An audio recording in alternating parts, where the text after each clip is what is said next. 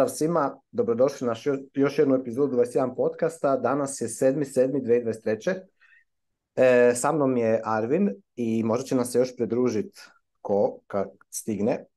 Ovaj, idemo malo prokomentirati jer je prošlo već malo duže od zadnjega podcasta, tjedan, tjedan i pol dana, tako da, e, da vidimo šta ima novo. Evo, Arvine, imaš ti kakva, kakve misli od našeg zadnjeg razgovora? Šta ti je na umu? Ćao pao, ćao svima. E, nadam se da nas slušate. Jako smo napravili jednu kratku pauzu.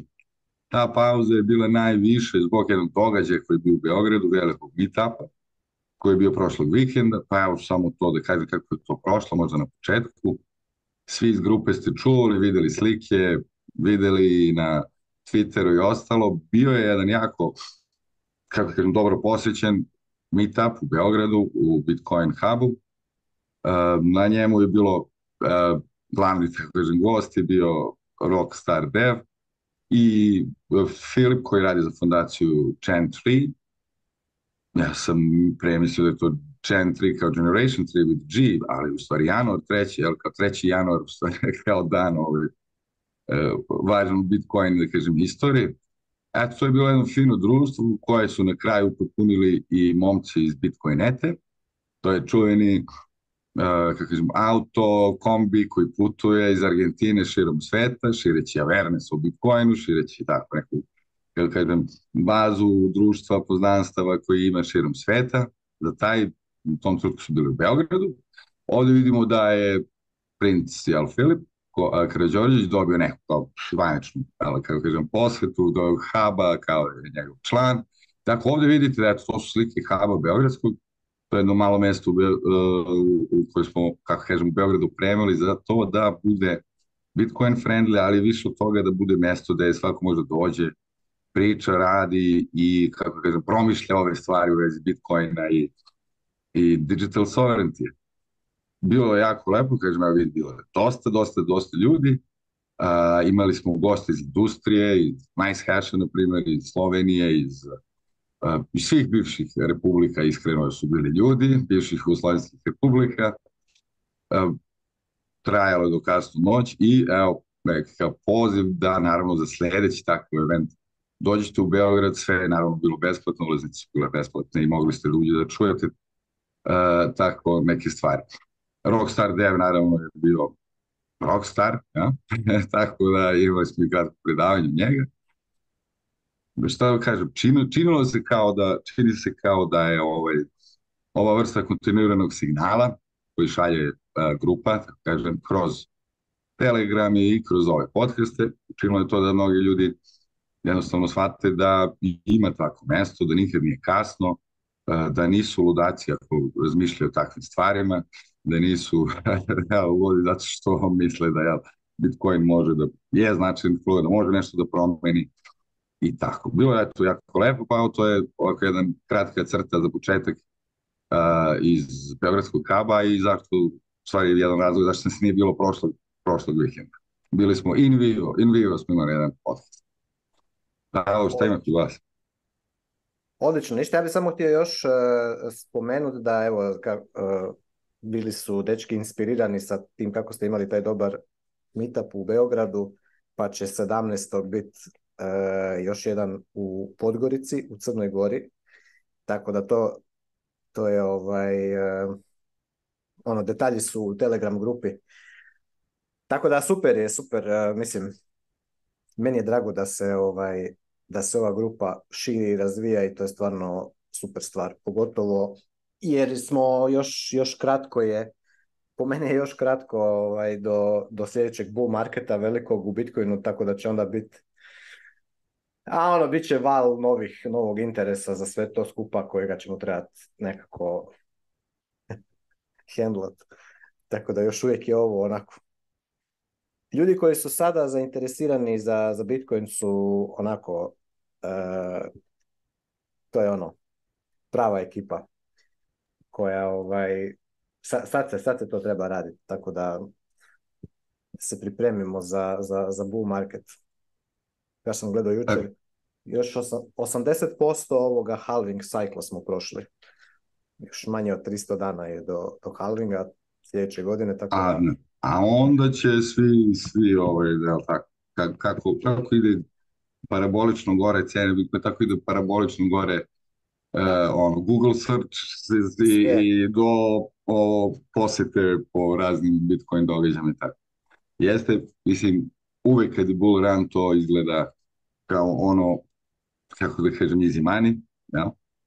ali ne znam što kažem, mislim da je naša grupa kupovala ovo još od 10, 11, 15, 16, tako da već je, već je ovo neka fina teritorija za njih od 30, a kamo li kad se desi to, pa će onda konačno da, kako kažem, po svakog bulurana imamo još par 20-30% ljudi koji su posle toga zauvek Bitcoin, mislim. Da, Čuj, mislim, meni će biti e, to drugi halving, drugi ono halving event kojega ću baš onako popratiti da sam ono fokusiran, jer zadnji mi je bio u 2020. u petom mjesecu kad je bio do 2020. u petom mjesecu sam već ušao u Bitcoin dovoljno da ga onako mogu, da znam kada je, na koji datum i tako, sam još snimio video neki na svom YouTube kanalu tada, ovo će mi biti drugi, s time da je sad opet razlika to što uz, uz ovako zapravo veliki community kojega smo napravili, uh, ono, to, to nije recimo bio slučaj u 2020. A nevjerojatno je, kako kažem, baš je baš čudno, ono, ako, surreal uh, mi je to sve skupa, ali mislim, super. Tako da, ono, kad gledaš interesantno. mislim samo da razne industrije rastu na svaki dvije, tri godine industrije koje nemaju baš toliko, kako kažem, nisu ni tako da ukupan broj ljudi se svakako svaki godine povećava koji znaju Bitcoin, makar oni znaju loše Bitcoin, to što nije, kako kažem, ne, mislim i mnoge stvari, mnoge tehnologije ne znaju svi ljudi jel, na istom nivou ili najbolji Ali broj ljudi koji ulazi podsvesno, kako kažem, ta, ta neka ideja da digitalno možda bude unik, da digitalno, da, postoji neka digitalna vrednost, to nismo imali pre, pa sad nismo imali nešto je digitalna vrednost. Jako zvuči ovako smešno kad kažete, ali evo, samo pogledajte, mislim, sva ta industrija oko interneta, cloud industrija, na primjer, koji isto raste eksponencijalno svake godine, je u stvari basic, jel, to je nečiji kompjuter i tako. Hoću režem, stvari koje su prilično basic i dalje rastu na internetu, a kamoli evo ovako neka ideja koja je ko kažem neka vrsta izuma paralelnog interneta, jel, paralelnog protok, protokola, jel, internet of money i tako, internet of economy.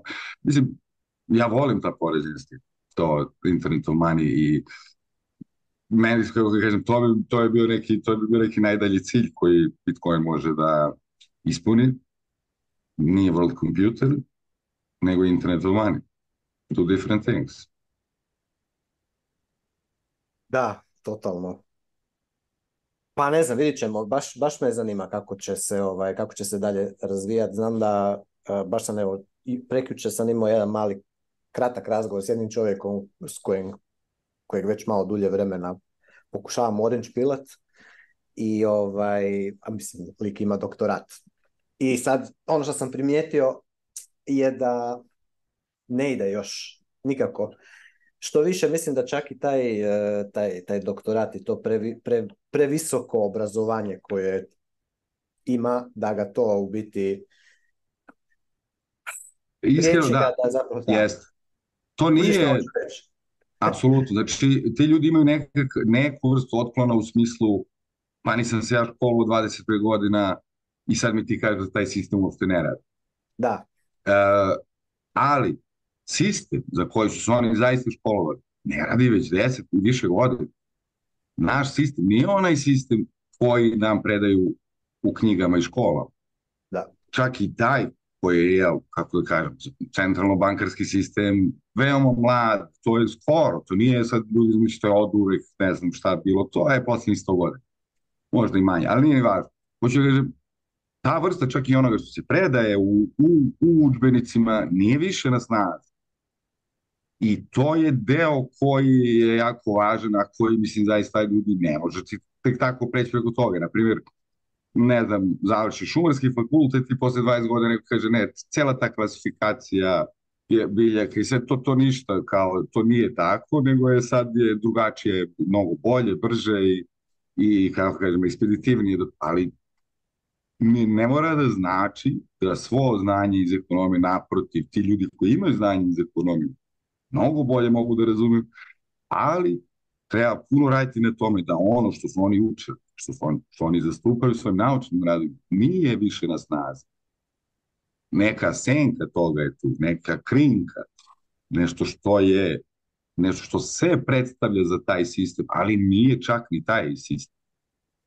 I zbog toga jel, ljudi, kako kažem, su ne ogorčeni prema centralna banka, ali imaju određeni. Evo, ja, kako kažu, mogu da sada, evo, poradim na primjer, na jednog... Danas sam e, video jednu jako finu kompilaciju uh, intervjua ili isečaka iz intervjua par vodećih ljudi iz svetskih finanskih organizacija. Tu su ja, BIS, Kristin Lingard i ostali. I mislim da će taj nošan digitalnog novca prevesti kako kažem, jedan procenat, ajde neću sada pogađam da li mali, srednji, veliki procenat, jedan procenat visoko obrazovi ekonomskih uh, stručnjaka koji će shvatiti koji vaporware je u stvari ova, ova vrsta digitalna kurencija, koliko je to izmešteno od sistema koji se propagira kao glavni ekonomski sistem već decenijama, koliko je to u stvari, kako bi rekli, completely new beast, ja? totalno jedna druga zver koja malo šta ima u vidu osim, kako je kažem, kontrole novca. Evo, ako čekaj da nađem, ja mogu da pustim sada to, mhm. da vidimo. Mislim da to je ja, jedan kratki video koji će prilično čekaj da šeranem zvuk.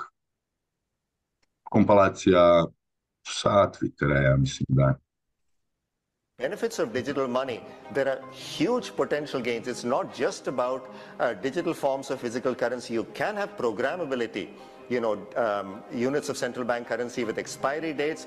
You could have, as I argue in my book, a potentially better and uh, some people might see it or a darker world where the government decides that units of central bank money can be used to purchase some things, but not other things that it deems less desirable, like say ammunition or drugs or pornography or something of the sort. And that is very powerful in terms of the use of a CBDC. We are proposing that we would give a um, secure, efficient, inclusive access to digital payments to all citizens. And this way we would protect their freedom to pay. Now we have in Europe this threshold. Above 1,000 euros, you cannot pay cash. If you do, you're on the grey market. We want to complement cash. We want to expand the capacity of European consumers to pay with sovereign money. So you take your risk. You get caught, you are fined, or you go in jail. To have a secure, safe access to payments. Uh, we tend to establish the equivalence with cash, uh, and there is a huge difference there.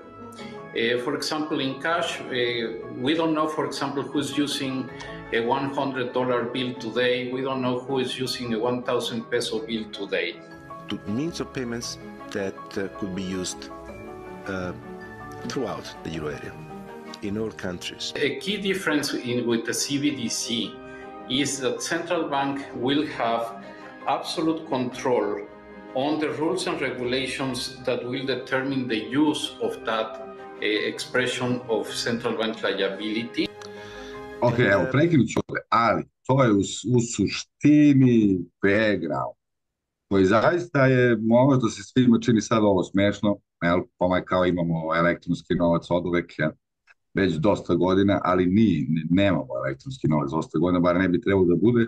Ono što znamo da kao institucija e-novca je u stvari digitalna reprezentacija fizičkog novca koji bi trebao negdje da postoji. Ja?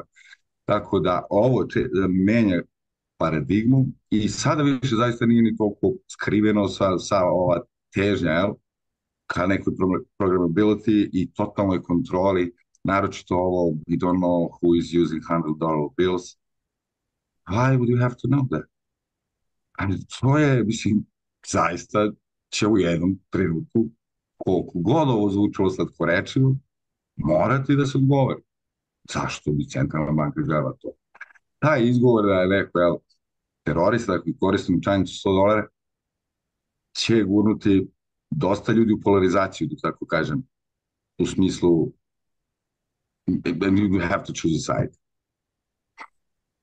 A kako ti, kako ti vidiš, da, mislim, da li će ljudi u većini uopće to htjeti koristiti? Uh, CBDC-eve, kako bi rekao.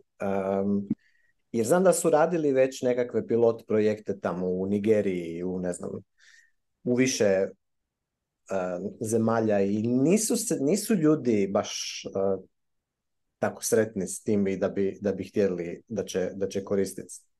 Dok s druge strane, ono, Bitcoin e, adopcija raste onako organski i ljudi sami od sebe hoće, hoće koristiti, hoće, hoće s vremenom sve više i više.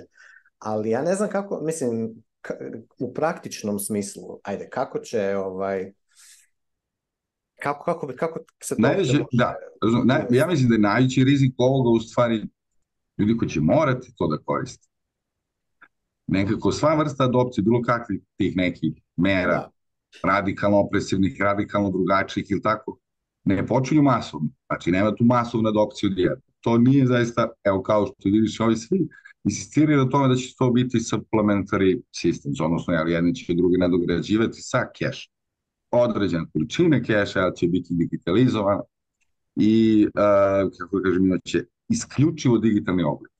Znači, prvi put zaista u ljudskoj istoriji nema fizički oblik aoi u nego je čak ne fizički čak. Znači, vraćamo se u suštini na ono reč, jer moju reč, imamo reč da će, da će to biti tako. Znači, čak nema ni papir, ali neku fizičku reprezentaciju tog AOI-u instrumenta, nego imamo isključivo samo reč. To je, naravno, na, ako ćemo iskreno, ipak korak nazad jer sve što je, kako da kažem, neopipljivo, non-tangible, ima određenu jel, predispoziciju da bude teško kontrolisano, da bude, kako da kažemo, misteriozno, jel tako, je obavijeno nekim jelom tajni koji zaista ne možemo da proverimo.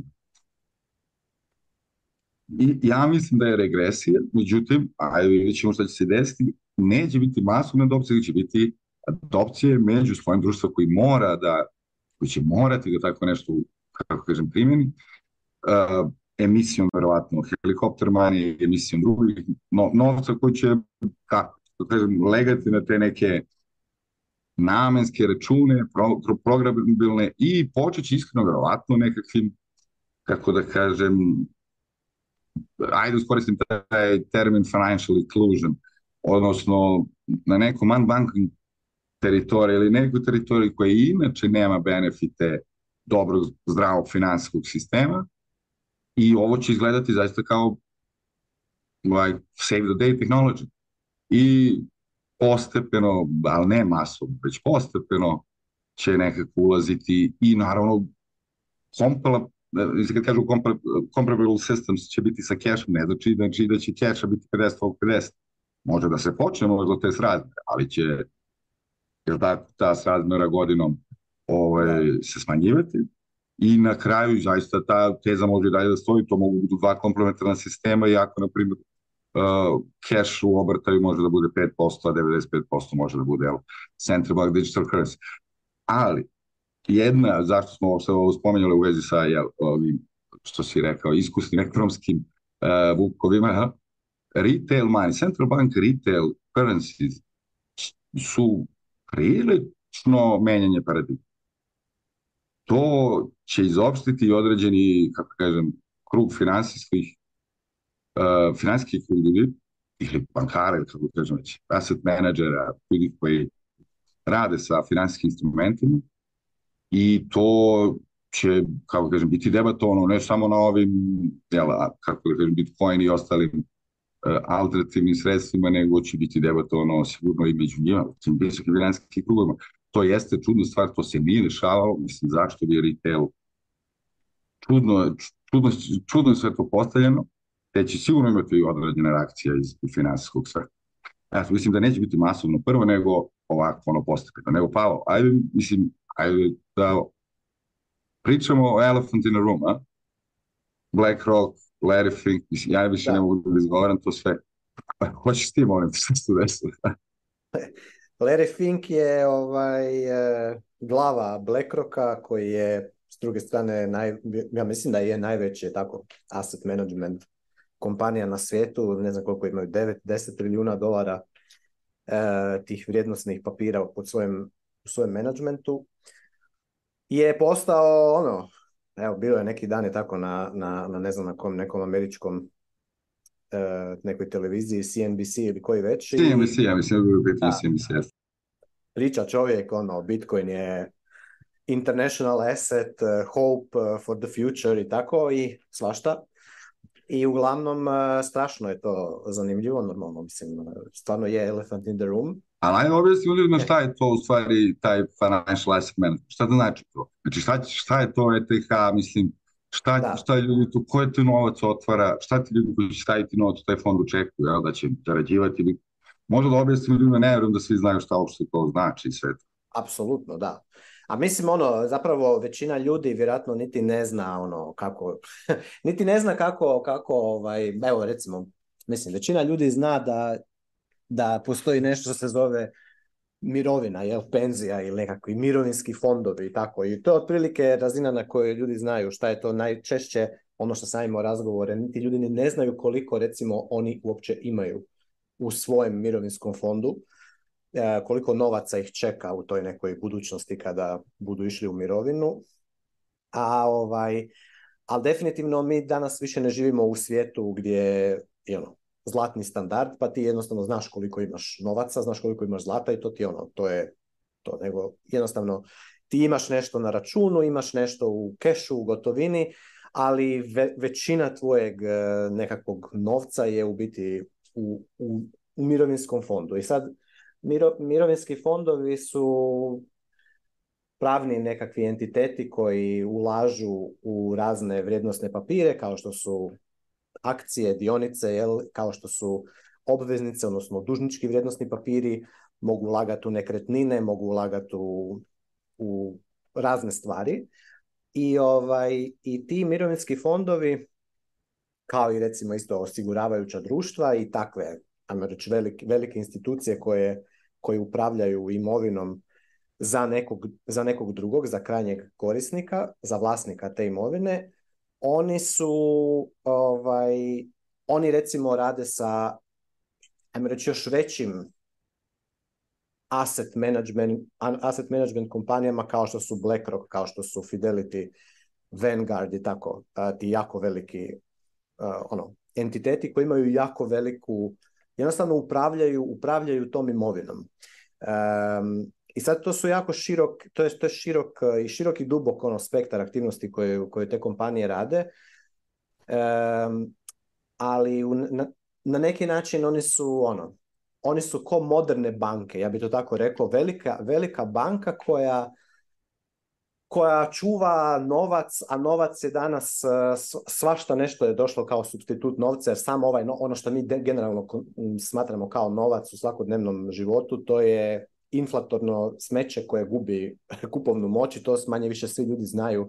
Svi ljudi su svjesni da je, da je ovaj, taj državni novac je u konstantnoj inflaciji i onda su ono, alternative tome, zaštite od toga je korištenje raznih fondova, investicijskih fondova, mirovinskih fondova i tih asset management, menadžera koji onda taj novac ulažu, dodaju mu određeni rizik, tako da, da, da na neki način uh, ono, čuvaju kupovnu moć od, od inflacije. I ovaj, to je ono, otprilike kako, kako to funkcionira. BlackRock je jedan od najvećih tih asset menadžera i sad BlackRock, BlackRock želi e, ponuditi Bitcoin kao ono, izložiti izložit se, e, sve, sve ostale ovaj, korisnike BlackRocka Bitcoinu, ne? znači njegovoj, njegovoj cijeni, volatilnosti, ulaganjem u, u, u Bitcoin. I to radi kroz e, aplikaciju ETF, Exchange Traded Fund u Americi, gdje će jednostavno, opet, sve te velike institucije, sve, svi ti as, ono, mirovinski fondovi, na primjer, moć kupit, kupit, e, kupit Bitcoin e, preko tog njihovog Exchange, exchange Traded Funda. I, ovaj, I pošto se radi o jako velikom iznosu novca, kupovne moći koji će, koji će to uh, biti moguće, bit će i moguće da to naprave, to će potjerati cijenu Bitcoina gore. Ne? Znači, to je ona te, temeljna, ovaj, ideja i ovaj, i onda naravno kombinacija toga i činjenica da će evo sljedeće godine za manje od godinu dana Bitcoin, znači stopa kreiranja Bitcoina na dnevnoj razini se prepoloviti. Imaćemo duplo manju dnevnu marginalnu ponudu Bitcoina, a istu, ali vjerojatno veću potražnju, marginalnu dnevnu novca koji želi ući u Bitcoin. I onda jednostavno možemo zaključiti da će cijena Bitcoina ići gore. I to smo sad svi onako, sad gledamo, ono, očekujemo kako će to izgledati. Tu ima sad isto puno pitanja koja su, ono, da će, kako će to opće, da će se dogoditi recimo ono što se dogodilo, evo bio je ovaj Prime Trust koji je puknuo, to je isto jedan kastodijan u Americi koji je ovaj, čuvao bitcoine koji su onda ulagali drugi, drugi, drugi institucije u njega, to je puknulo. kako, gdje, će, gdje, će, gdje će recimo BlackRock kastodijat taj Bitcoin, ko će, ko će skrbit, ko će čuvat private kijeve, to će biti, za sada oni kažu kod Coinbase-a, veliki exchange u Americi. A, da li će to, kako će to funkcionirati? Mislim, tu su još puno pitanja, ali... E, hvala, samo da, evo, samorizujemo, znači Black, BlackRock je neka kompanija koja ima jako puno tuđih para i ulaže ih da bi dobili još više para, evo tako? Što uglavnom, skoro uvek, mora da kako kažem, da uključuje neku vrstu profita, da? odnosno nešto ulaže u neke stvari koje oni misle da će biti profit. I zašto ovo važno za Bitcoin? Ovo nije postojalo, tako je, u Bitcoin industriji do sada, u ostalim, jel tako, shitcoinerskim sistemima, to, u tokenizovanim sistemima, Luna, Celsius i tako te ovaj, alternativne kriptovalute, to su, jel, bili, kako kažem, neki sredstva kako se zarađuju novce, jel? bilo je neke vrste profita, yielda i toga. U Bitcoin nikada toga nije bilo, niti može da ima, jer Bitcoin je pre svega mreža, a mislim ne kao, I sada će u stvari, jel tako, jel? Pa, da objasnimo ljudima, ljudi koji su finansijski investitori koji totalno drugu ulažu, Wall Street, tako, razne druge stvari, moći da neograničenim fondovima koji BlackRock ima, kupuju, je li tako, Bitcoin i da li oni očekuju neku profit od toga, je li tako? Da, da, apsolutno. Mislim, očekuju, očekuju uvećanje prinos. Znači, očekuju jednostavno da ako su uložili 100 dolara, eura, čega god, da, da dobiju više od toga, ne da gube. Jer trenutno ono što se događa je da, znači ono što je najveća zapravo alternativa Bitcoinu su, su obveznice, državne obveznice, jer to je najveći... najveći koje su u Rasulu trenutno Koje su u Rasulu trenutno, evo, upravo su se zadnjih nekoliko dana ponovno počele cijena, cijena e, državnih obveznica padat, odnosno prinos im rast, e, jer, jer jednostavno ne, e, to je to, znači ti u biti posuđuješ novac državi da ga ona onda ona s njim radi ono što država s njime već radi, a to je sve ono što država radi, u što je involvirana. Koliko sam primetio, parabolično su porast cene. Šta to, mislim, šta si stvari rekao, jel, ako obveznica daje više, tako, ako je davala 5% određena obveznica i vidimo da će jel, u budućnosti dati 15%, to znači da je u stvari industrija taj, da država koja je izdala izgubila tu taj paritet, njen, njen novac, tako kažem, izgubio tu vrednost, wow, pogledamo. Znači, prava eksplozija. Da, znači ovo su prinosi na, na, na, na britanske ovaj, e, te njihove države. Punte sterlinga. Da, e, koje, ovo, znači ovo je u biti, ovo pumpa, pumpa prinos, ali to, kad, kad prinos pumpa, vrijednost e, cijena, cijena tog dužničkog vrijednostnog papira pada. Znači, to ima inverznu korelaciju, tako da u biti ovo ovdje je pad vrijednosti. Ovo, je u principu pad vrijednosti Industrija Industrije države koja izdaje, tako reći, odnosno države koja izdaje, financijske moći države koja izdaje obveznice. Tako je. I, I, vjera, i vjera u državi isto, ako me čujete. A, bukvalno znači vjera u nas. Ćao, čamo. Jel to Isus isteruje ove iz hrama, to? Da, da, da, ja sam bukvalno kad ste pričali ranije. Zumčere, ono zelena. I našao sam e, šta je rekao, and Jesus went into the temple of God and cast out all them that sold and bought in the temple and overthrew the tables with the money changers and the seats. znači, bukvalno ušao i kaže, ej, ne radite ovo. ovo bi rekao, hrićanstvo je protiv profita. Nije, pa mislim, to je drugačija priča, naravno. Drugačija priča, ali Bitcoin se isto, mislim, slaže bolje, bolje sa e, kako bi rekao, te vrednosti i ideals koji su u hrišćanstvu i u, i u drugim e, re, re, vjerama, na primjer e, islam, isto Bitcoin se slaže mnogo bolje sa tim. Znači, inače, bliže toj istini teže da se iskrivi ta istina oko šta je Bitcoin, ko pravi pare oko Bitcoina i, i tako dalje. Da, pa, nastavi ovo, ja? ako si htio, te prekinuli. Šta sam htio još samo dodat, e, znači mislim da će se ovo ovdje samo nastaviti dalje, znači, jer opet, ako se vratimo na veliku većinu ljudi, ono, običnih ljudi koji, koji danas žive, oni vide, evo i da se nastavim malo sa tim čovjekom s kojim sam pričao prekjučer, kojega pokušavam orange bilat, Znači, ljudi vide da nešto nije u redu, vide da je inflacija, vide da su problemi, vide da je recimo, um, vidi da na primjer ima puno potrebe za radnom snagom, za ljudima koji, koji trebaju nešto odraditi, da s druge strane ima ljude, ima puno ljudi koji su nezaposleni, jel, koji ne, ne rade, a znači, znači imamo velike dislokacije na tržištu rada, imamo, imamo probleme sa, na, na, na, na nizu stvari i vidimo s, treće strane da svi ti birokrati, ti državni e,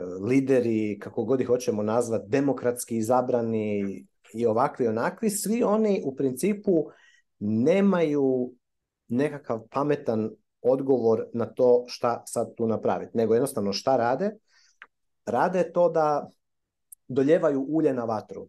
I konkretno ova tu, ova tu situacija je, ono, jednostavno će se nastaviti dalje. Koliko god pokušava država više e, ono, naštampat novaca da bi, zadužiti se da bi ovaj, riješila nekome, ne znam, da, da, daćemo nekom novce zato što su cijene se ono, porasle, pa i moramo pomoći da, da se bore sa inflacijom, zbog ono.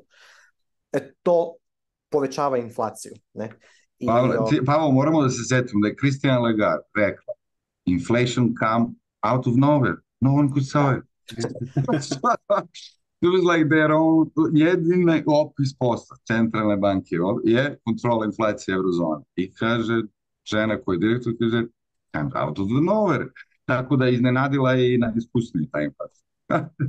da, da, apsolutno, dolazi od nigdje i, i, i ono što bi ja samo još tu dodao je da je sad smo, stvarno smo ušli u jedan fascinantan period vremena, konkretno sad sa Bitcoinom, zato što realno do 2020. godine, do priče sa koronom i sa svime tome u, u šta je ušao taj fiat svijet,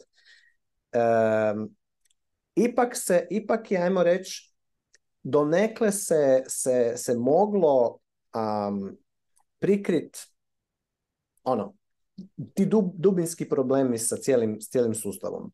Međutim, od, od 2020.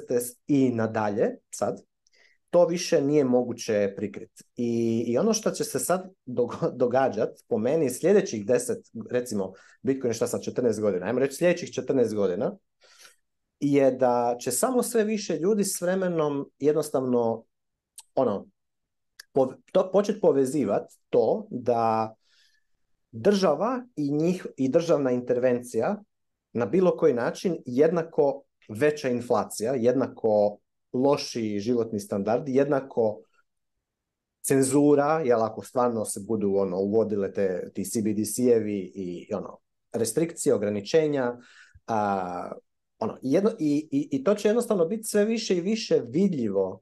Tome sam pričao na nekim ono, epizodama prije. će, samo sve veća ono, razlika između ljudi koji su, koji žive u, u tom, pod tim državnim, državnom čizmom, jel? I s druge strane ljude koji izađu van iz toga i koji uđu u Bitcoin standardi koji su ono, u, jednostavno u slobodi, njihov, njihova plodovi njihovog rada su, i niko ih ne može ono, uh, im to ne može oduzeti, niko im ne može devaluirati to kroz inflaciju, niko im ne može ih cenzurirati, ne može im reći, e ti sad ovo tu ne možeš kupiti, a jer, jesmo mi tako to rekli, ne, ti možeš, ja mogu platiti, kupiti bilo šta od bilo koga kako hoću, jer me niko ne može u tome spriječiti, tehnički me ne može spriječiti i ne moram nikoga pitati za dozvolu. I to će jednostavno biti sve više i više onako izražena ta, ta polarnost između, između ono, jednih ljudi koji, su, koji žive u slobodi, drugih ljudi koji žive u dužničkom ropstvu. I ja mislim da će to biti onako baš, e, mislim, bit će, bit će velik, e, bit će, interesantno jer, e, jer će se isto tako pun, velik broj ljudi će htjeti izlaziti iz dužničkog ropstva i ulaziti u, u, u slobodu. A ovaj, i eto, stvarno, mislim, ali još uvijek, još uvijek smo na samim početcima po meni toga svega. Jer kažem, evo baš kažem, pričam, s kim god da pričam od normisa, da sve je to ok, svi oni to kuže, ali još uvijek ne vide točno gdje je, gdje je ono, gdje je točno rješenje, a ovaj, a, potrebno je vremena da ako i uđu lagano u Bitcoin, da, da, da iskuse taj, tu apreciaciju, da iskuse pump, i da prođe dovoljno vremena da, da, dajmo reći, da ih, da ih to, kako bi rekao, da, da, da, se sažive sa tim.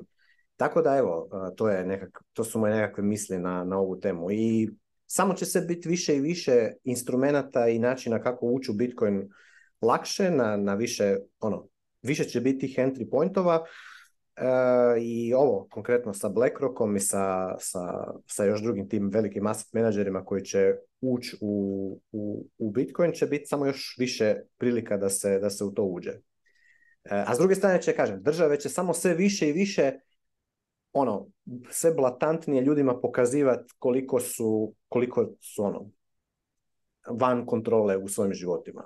E, I to je, ta dinamika će jednostavno ono, preljevat, dolazit će ljudi u Bitcoin, čist, puno njih će doći čisto zato što jednostavno moraju, dosta im je, ne mogu više izdržati u tom, u tom sustavu u kojem su sad. Jer... E, e. Opet jeste država, država i novac nisu jedna stvar. To je opet da kažem, jako skora ideja.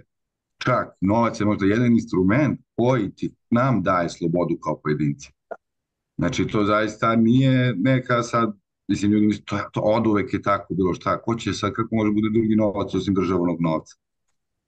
Alert, flash news, novac i država nisu isto, nikad nisu bili isto i to je nekako totalno drugačija, drugačija stvar.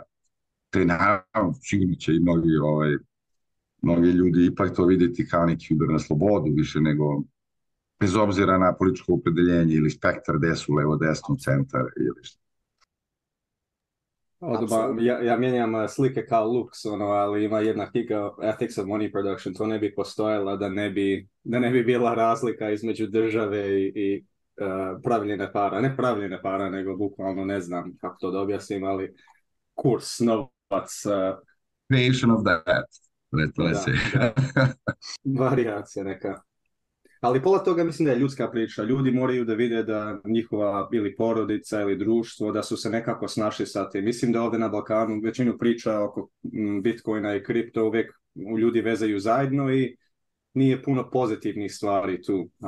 mislim, posle nekoliko godina, mislim, naš narod kad skontamo nešto kao grupa, onda svi krenemo na to. Mislim da treba malo vremena ili nažalost, možda će morati stvari ono lošije, na lošije krenuti prije nego što ljudi primijete koje su im opcije, zato taj pritisak je pola puta ono što te pregura preko te ivice. Mislim, neki ljudi će ranije doći, ranije skontati, a neki neće. I onda imaš early adopters i, i sve tako i mislim da socijalno, mislim i, 21 grupa i sve to, to je jedan cilj, cilj naš Um, ali mislim da taj socijalni aspekt je vrlo, vrlo važan. Znači, bitcoineri koliko god oni ono, između sebe pričaju, podcastuju, sve tako, bitno je da i nekako sporo ubacujemo neke e, razne ljudi van naše grupe.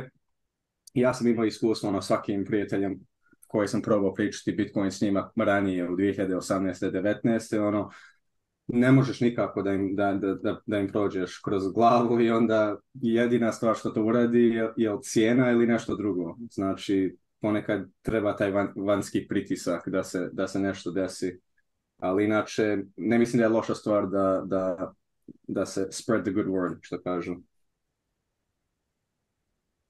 Da. Jel preporučuješ ovu knjigu, ba, Ethics of Money Production? Da, to je jedna, ne znam, vidio sam na Twitteru, svi kažu da je dobra knjiga, nisam još pročitao, ali kažu da je dobra knjiga, to je austrijska, ne znam, vezano, ne znam je li vezano s austrijskom e, ekonomijom, ekonomskom, to, ta, e, taj e, thought model, ali um, čuo sam da je baš dobra i nije dugačka knjiga, znači to ti je možete pogledati ako ste zainteresovani. Mislim da možete na PDF naći uh, besplatno online.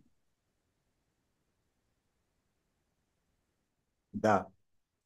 Imam baš, evo, jučer sam bio se šišat i moja frizerka s kojom već duže vremena ono, pričamo o to, ona isto prati sve te i te globalističke stvari i to sve skupa.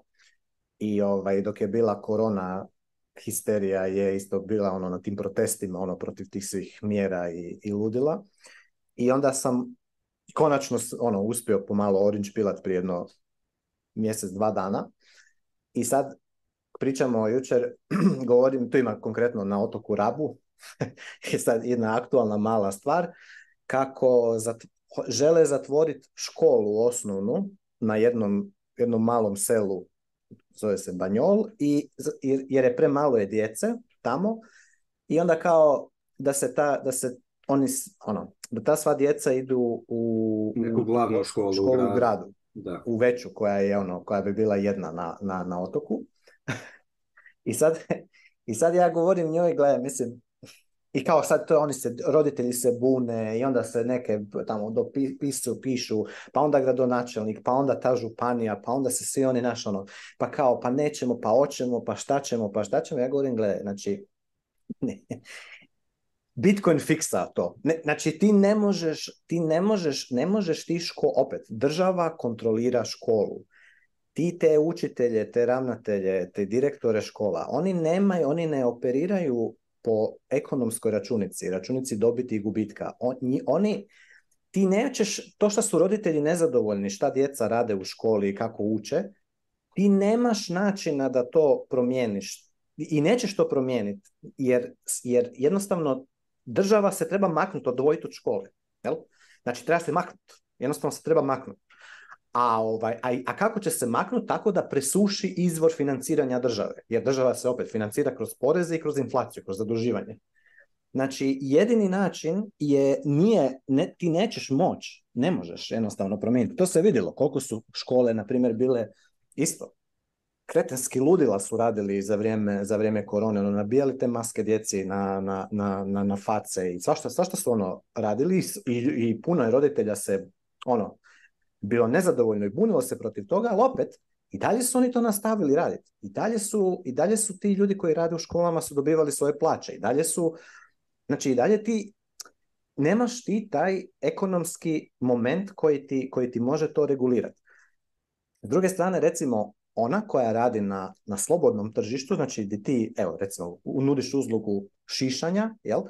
Znači ti ako radiš dobro, ti ćeš imat, ljudi će dolaziti kod tebe, imat ćeš klijentelu, preporučat će, vraćat će se nazad. Ako ne radiš dobro, neće, zaradit ćeš manje. Ako imaš veće rashode nego što su ti prihodi, na kraju ćeš bankrotirat. Ako imaš manje rashode nego što su ti prihodi, generirat ćeš dobit, akumulirat ćeš novac, kapital. Što, što bolje radiš ćeš imati, ta, ta, ta, slobodna razmjena ti signalizira da li nešto radiš dobro ili ne i kako ćeš to popraviti.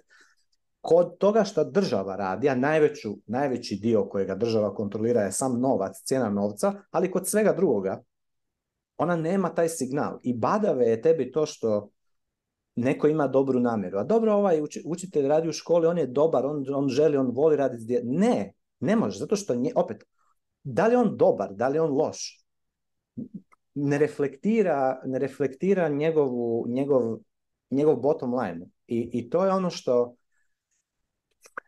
alo mislim, to je ono što, što će se s vremenom pomalo, će sve više ljudi onako dolaziti im do, počet će povezivati. Sad već vide, vide da uvijek kada država se u nešto najgore, najgore su te usluge i, i, stvari gdje je država u, u kompletnoj kontroli. Kod nas u Hrvatskoj je to škole, zdravstvo u velikom, u velikom dijelu, manje više mirovine, jel? Sve ono što je, sve ono gdje je država, što je veće, što je više države tamo, to je sve lošije, to je sve lošija ono kvaliteta i, i, sve, i sve to. Što je države, što je više, što je manje države, to je to bolje, imaš više izbora, imaš više kvalitete, imaš ono E, jeftinije stvari. Ali da, ali će jednostavno trebati vremena dok, dok se ovaj... Jer kažem, evo, recimo, ovo to je jedna osoba koja je onako full prijemčljiva za, za Bitcoin, koja se ono zainteresirala za Bitcoin, full, ali sad će njoj isto trebati vremena da prođe kroz e, ono, volatilnost, kroz halving, kroz e, da se to sve ono udeseterostruči, da, se, da onda ona stvarno kompletan svoj ono novac, štednju, su tu, sav taj, e, su tu dobit da, da počne ono stekat u Bitcoin i da onda opet počne širiti to među svojim krugom ljudi. Ali to se događa, samo što opet treba vremena. Ja se stalno nađem u tome da budem nestrpljiv, jednostavno hoću ljudima ono, ono što ja imam u glavi nekako downloadat odmah, da i oni isto to odmah, ali to ne ide. Tako da evo. Ali... ne ide još, možda jedan dan će moći. Da, možda ako baš ovo, ako, i zato ja isto volim na neki način i taj fiat svijet da postaje sve luđi i luđi, jer to je onda sve lakše i lakše je ono ljudima objasniti, vidiš, ako ne želiš da ti, u da ti, da ti djecu u školi ono maltretiraju sa razno raznim stvarima, sad pogotovo još ono šta dolazi na zapadu ima ono te, te da, da sad ne ulazim šta, šta ono... neke priče, baš da, loše Šta, šta se sve ono progurava u, u, u, u, ono, u škole, ja, javne, državne škole, jel? E, ako, ono, ako ne želiš, Bitcoin ti je rješenje. Nije ti rješenje da ćeš ti sad protestirati. Mislim, ti možeš protestirati koliko hoćeš. Ti ćeš imat možda nekakav nešto, ali opet ne, nećeš riješiti problem. problem se rješava u korijenu. Makni izvor financiranja toj bešti, ono, isuši ga i onda ona neće više imati od kuda. Šta? Može, on, može neko fantazirati šta god hoće, šta bi radio. Ako nema resursa za to provest, ono, šta, who cares? Problem je što ima resurse za to provesti. Problem je što ljudi svojom voljom daju državi da te resurse, ovaj, eh, ono, da, ih, da upravlja s njima.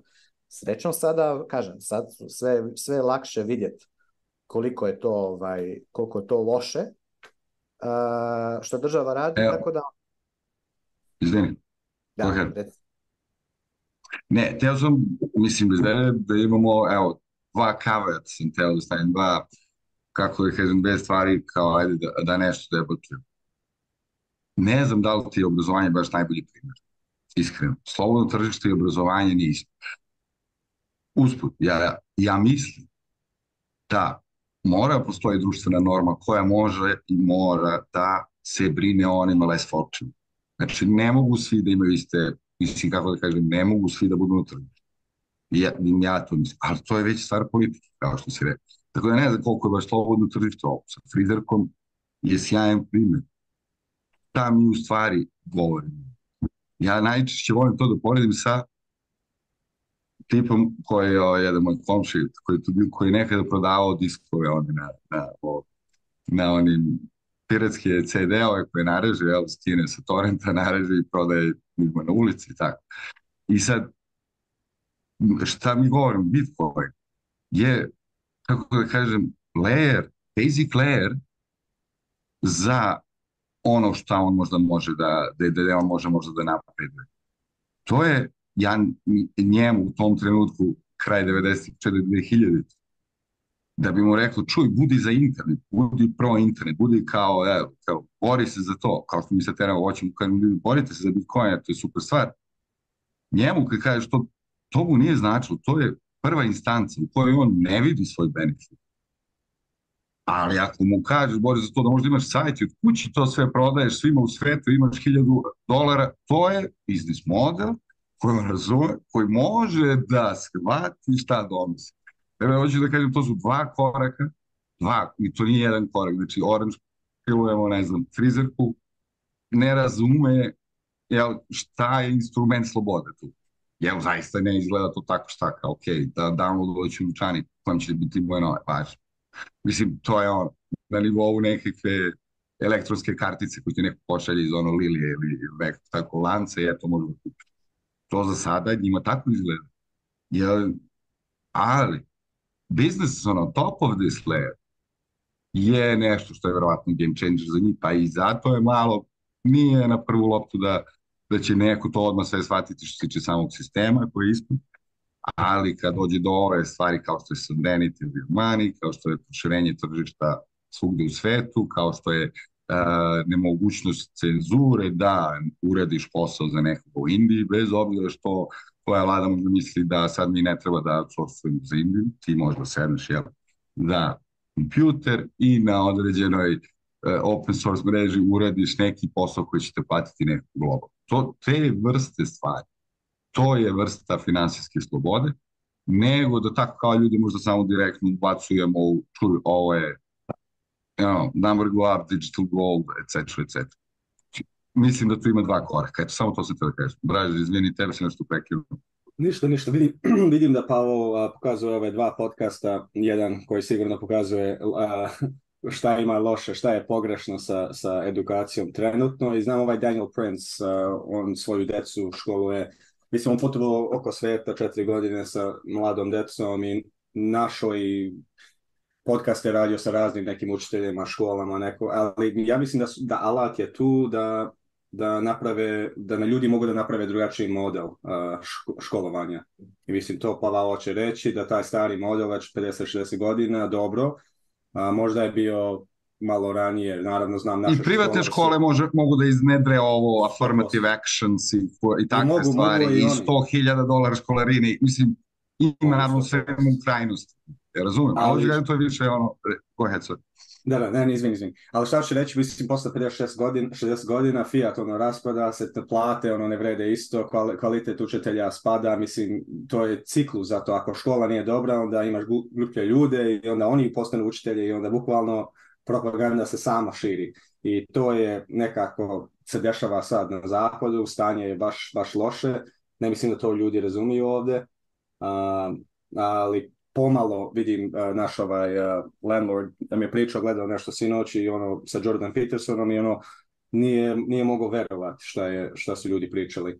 Ali ipak da imamo sada opcije, taj e, free market, otvoreno tržište za, za, za škole, ja mislim da jeste važna stvar i mislim svi mi kao, mislim kogod će imati djecu, će ono, imati dva puta da pomisli da li hoće da ih ubaci uh, u, u, javnu školu. Mislim, situacija ovdje nije tolika loša da bi se čovjek brinuo o tome, ali dobro je uvijek imati uh, viši opcija. Znači, Moje djeci idu javnu školu stvarno. Nije, pa nije privatna škola još uvijek, e, da, sorry. Pa mislim, ja nemam, ja nemam problem sa tim uopšte. Ja mislim ovdje, sa sad je to u redu, ali kad vidite kakav otrov se širi tamo na zapadu, mislim ako to od ovdje stigne, ne mislim da će da, da roditelji to da prihvate tako lako, ali ipak sa tim svime ja volim da ima razne opcije, internacionalne neke, mislim, to će sve, to su sve, to je tržište, to je competition, na kraju najbolji proizvod će da pobedi, ako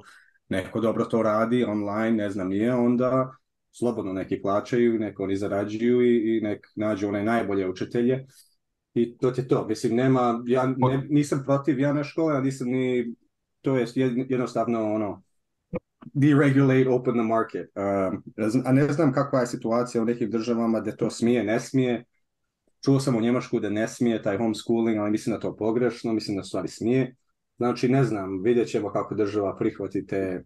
Jedna pozitivna strana kod nas ovdje što je kod nas već homeschooling. Ja kad idu u školu, mislim, to, pa ne tamo do tri popodne ja svakako moram, to već sve, mislim, skoro iz početka, da bi što nešto zaista znali. Malo te ne već homeschooling, da to nije loše. Deke, da. da, da, da. A, ne znam, pa vam ste uskočiti tu. Malo A pa ne, se... mislim, ja sam e, nek... ja znam da je, si, prilično sam siguran da je zapravo u Srbiji uh, bolja situacija komparativno konkretno nego u Hrvatskoj što se tiče baš je to vezano sa e- EU ili... Jer je, da, vezano je za EU, vezano je i za taj veći, ajmo reći, utjecaj tog e, zapadnog ludog, e, ludih stvari koje, koje se nameću polagano, naravno. Ne, nije, ništa to ne ide odmah preko, preko noći. Ali, ali opet generalno je...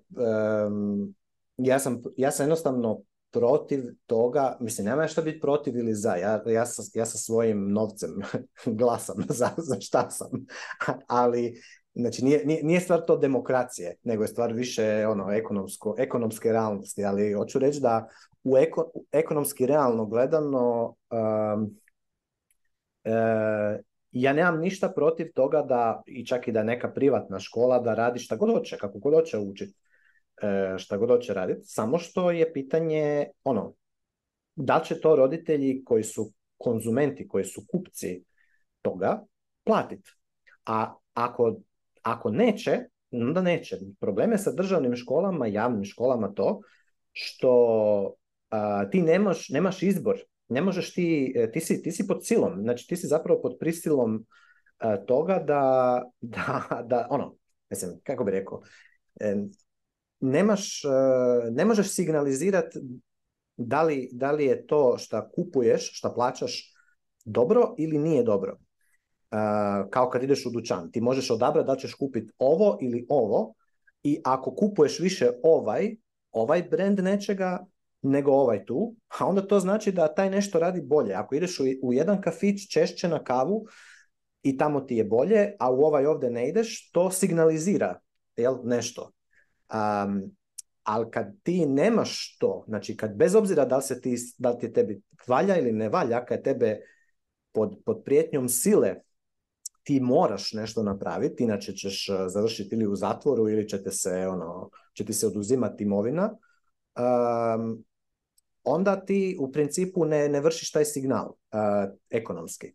I, I tu se onda, ja sad recimo, kažem, znači Čak i, da je, da možemo reći možda, je, možda nije u nekim zemljama stvar eh, eskalirala kao što je recimo ne znam u Americi sad u ovim školama u Kaliforniji je potpuno ludilo tamo ono već djeca eh, u prvim, prvim razredima ono ih se već uči ne znam o čemu a ovaj ali možda nije otišlo do, do, do toga ali opet ti moraš ti trebaš gledat koliko je koliko, koliko je zapravo koliko bi bila bolja situacija da je to tržište slobodno. Ali nije samo tu škola, to je i zdravstvo, tu je i kažem, mirovine, to su te sve velike, veliki sektori koje, ono, su države uzele pod, pod, pod sobu.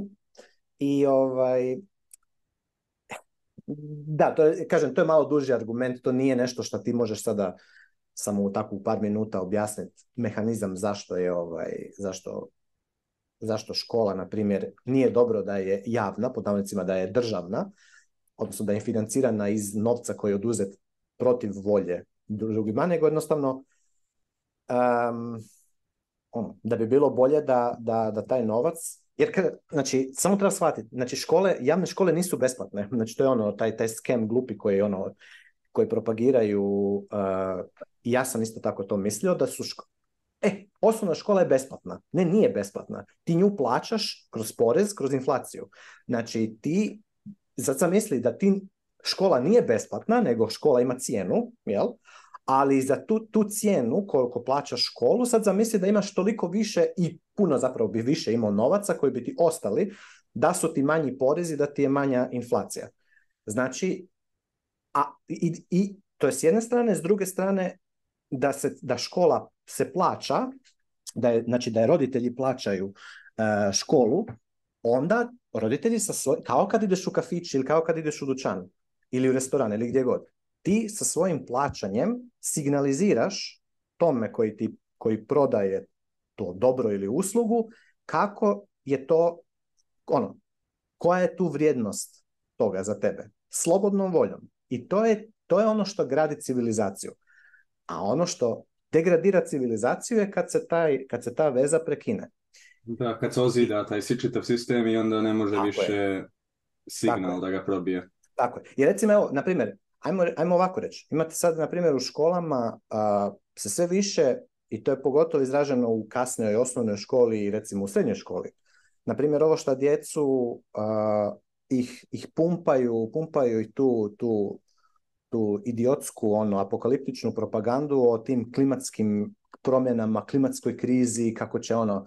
Mislim, ti imaš djeca, djeca koja ono izlaze iz, iz eh, ono, mlada, ono, tinejdžeri koji su ono u totalnom kako bi to rekao? Anksiozno, stres, da, anksi, su... imaju osjećaj da su da ono da, da zbog njih će sada se ne znam kao svaki požar, svaka ono ne znam oluja, otapanje ledenjaka, odumiranje. Znači, to, to, to je, to je toliko, kako bi je to rekao, ono, e, a, a, a takav je bullshit koji u biti na kraju kad pogledaš, sad ćeš ti sa njima, znači, ti koliko ti moraš sad tim, to tim, toj mladoj generaciji vremena provesti da im pomalo sve te stvari koje su im ono natruvene u, u, u glavu kroz velik broj sati, znači nisu oni tamo nije to da ti sad, eno, kojiš dijete ide i sad ono pola sata čuje neki, neki bullshit, pa ok, možeš mu odmah ono, objasniti ili...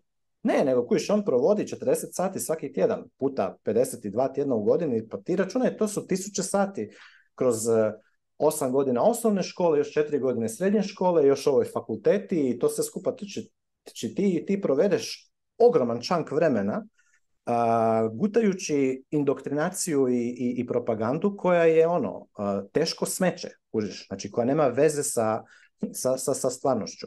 I to je rezultat fiat standarda. I, ono, mislim, to je, velik je to, dubinski je problem, dubinsko je rješenje, Bitcoin je rješenje za to, ali opet neće biti preko, preko noći sigurno, nego, nego s vremenom pomalo. Ali ovaj, ja sad, evo, call me lefty or whatever, ali moram da imam jednu stranu, a to je, može, može. ne može baš sve da ima profit, by the way, prva i osnovna stvar, ne može baš sve u društvu da ima profit. Sada to što ti govoriš je u stvari čija ideologija se širi tim školstvom.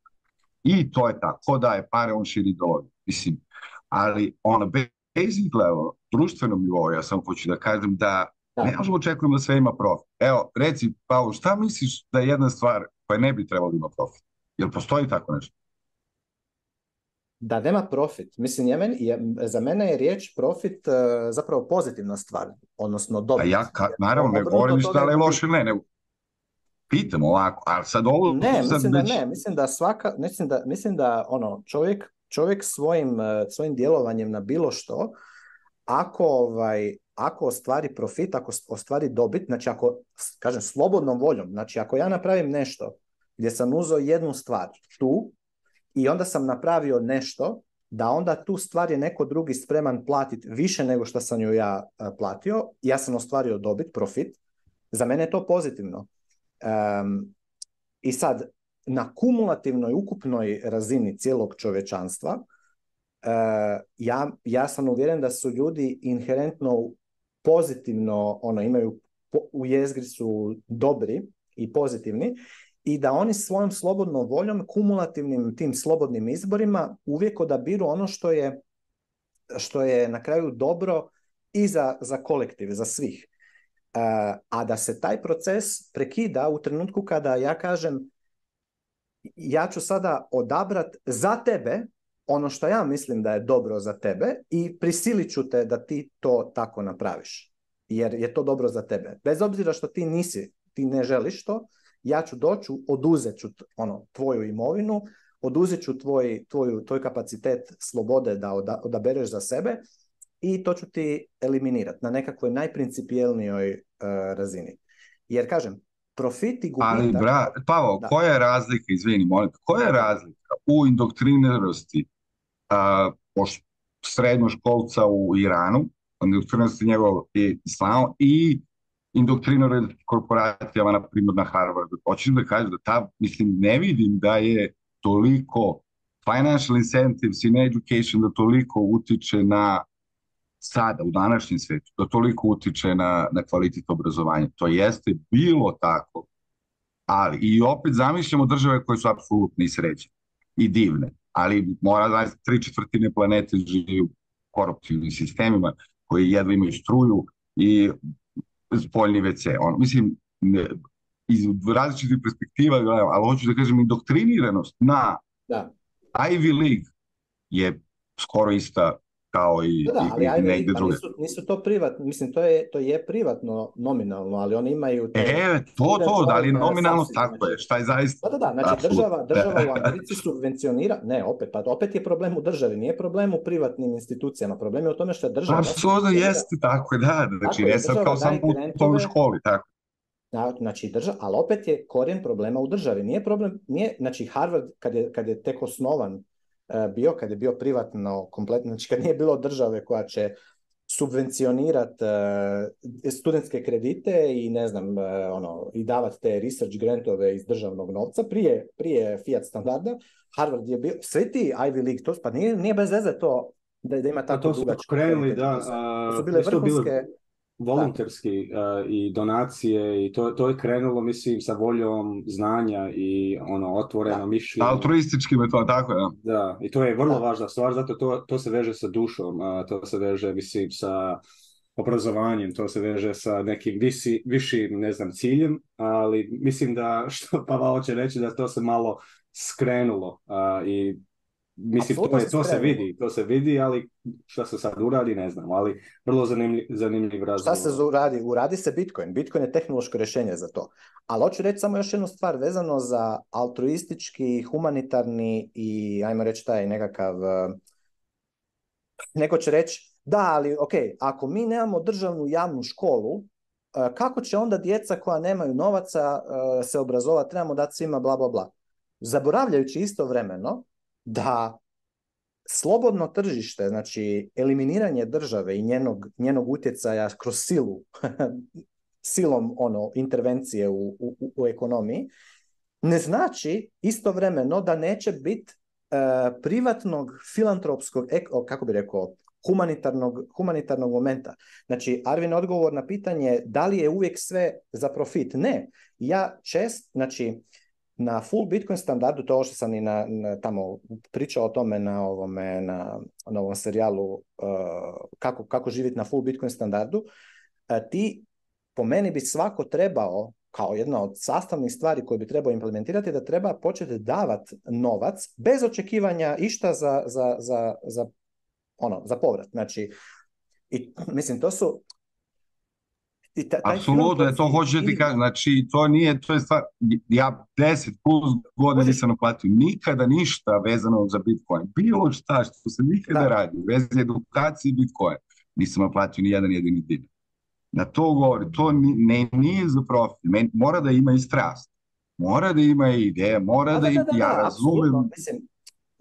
ti, kažem, ti, ćeš, ja, znači ja vidim budućnost gdje ćeš ti imat ono, velik, znači ljudi će, ali to se vidi danas, znači ti recimo imaš što je manje, što je manje upliva države u ekonomiju, to vidiš veće stope e, individualnog, e, ajmo reći toga, filantropije i, i, i, i, davanja i pomaganja. I to je puno efektivnije davanje nego, nego kad ti opet, znači ti kad država će tebi reći koliko ćeš ti dati za, za, za školstvo za djecu u školama. Ne, ti bi trebao sam odlučiti. Mislim, je trebali bi jednu epizodu napraviti samo na tu temu, jer to bi ono, to baš bi se trebao malo pripremiti da, da, da onako, da se ljepše artikuliram, da me se opet ne krivo ne shvati, ali... Um... Ma šta te briga kako pa pričamo slobodno, šta je slobodni smo ljudi, ne sada, mislim, neće niko da te drži za reč i da te vodi na sud, čovjek. Ma da, jer hoću reći da, da, da, da smo mi danas, e, da ta državna propaganda je e, na neki način uvjerila puno ljudi da je e, da je ja, ono, javne škole, da je to kao sad, to je solidarno. Ili recimo to isto za mirovine kažu. Načelo međugeneracijske solidarnosti, tako se to zove tu kod nas. Međugeneracijska solidarnost.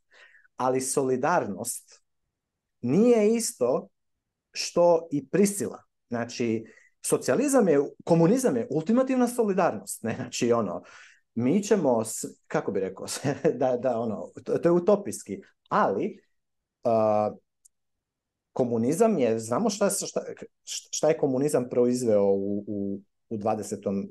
stoljeću, jel? jer na kraju čovjek mora svojom voljom odabrat što će, što će napraviti. Čim se čovjeku nameće e, pod pretnjom sile šta će on napraviti, ishod toga ne može biti dobar. Čak i ako je direktno, pod navodnicima bi rekli, dobro, dugoročno nije dobro zato što se ruši, ruši se taj incentive model, incentive structure.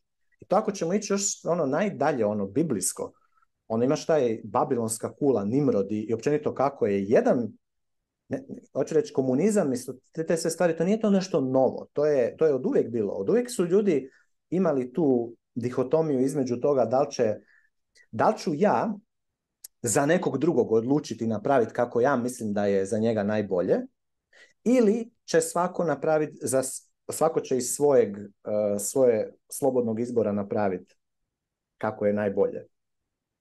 A ovaj, da, ja mislim... To sam... taj glavni e, ljudski problem, mislim, mi se borimo s tim problemom već ono, deset bog zna koliko godina i na kraju ne znam jel ima tu ono neko rješenje, ali jedna stvar što bih rekao je samo trebaš da omogućavaš osobu da on može da, najbolju odluku napravi za sebe i da se on ponaša, da. pravi odluke ne iz straha, nego iz nečeg drugog. I, trenutno u današnjem danu svi se više boje od nečega nego nego što rade nešto sa ljubavi ili, ili sa društvo i nešto tako. I mislim, što Pava hoće reći, kad ti to popraviš te sisteme, to popravi i, i ljude nekako. Oni sad imaju više za njih i imaju sad malo više i to bogatstvo se širi mnogo bolje u tom sistemu, Bitcoin sistemu nego fiat sistemu, zato sad trenutno samo ti koji su najbliži štampaču, oni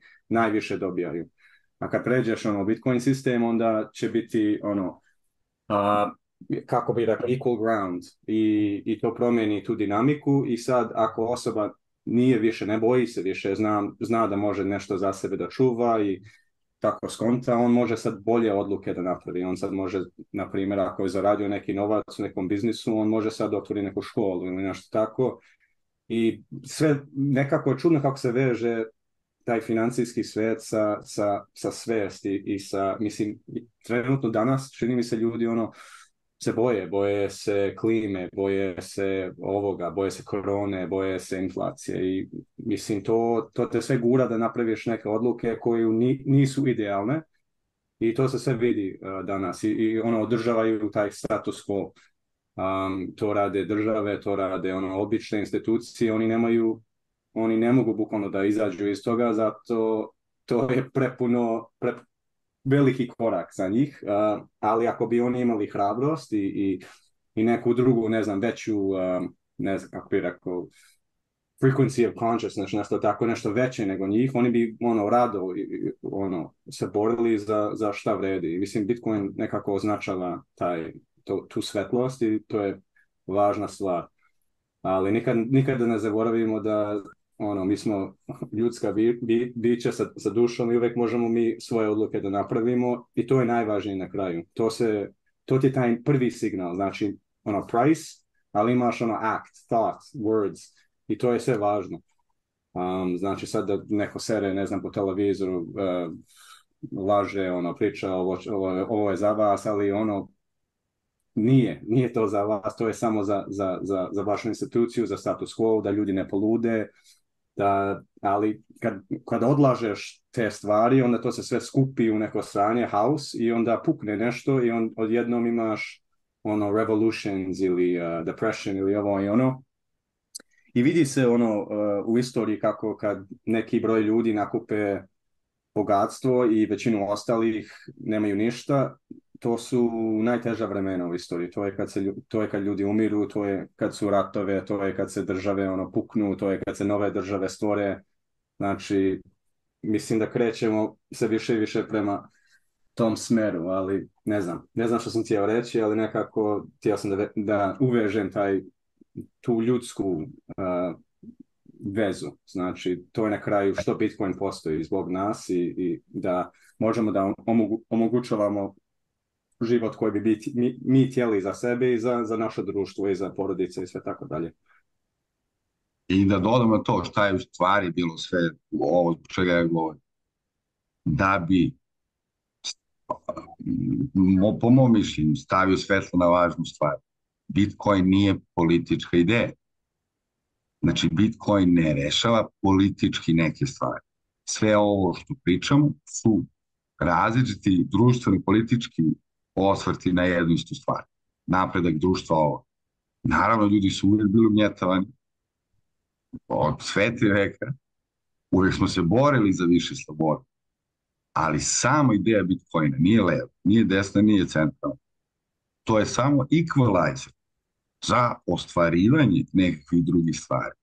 Ne znači da što, ako ste za Bitcoin da mislite ovo što Pavle misli, ovo što ja mislim, da nije politička ideologija. nema toliko sa bilo kojom politikom da je veže.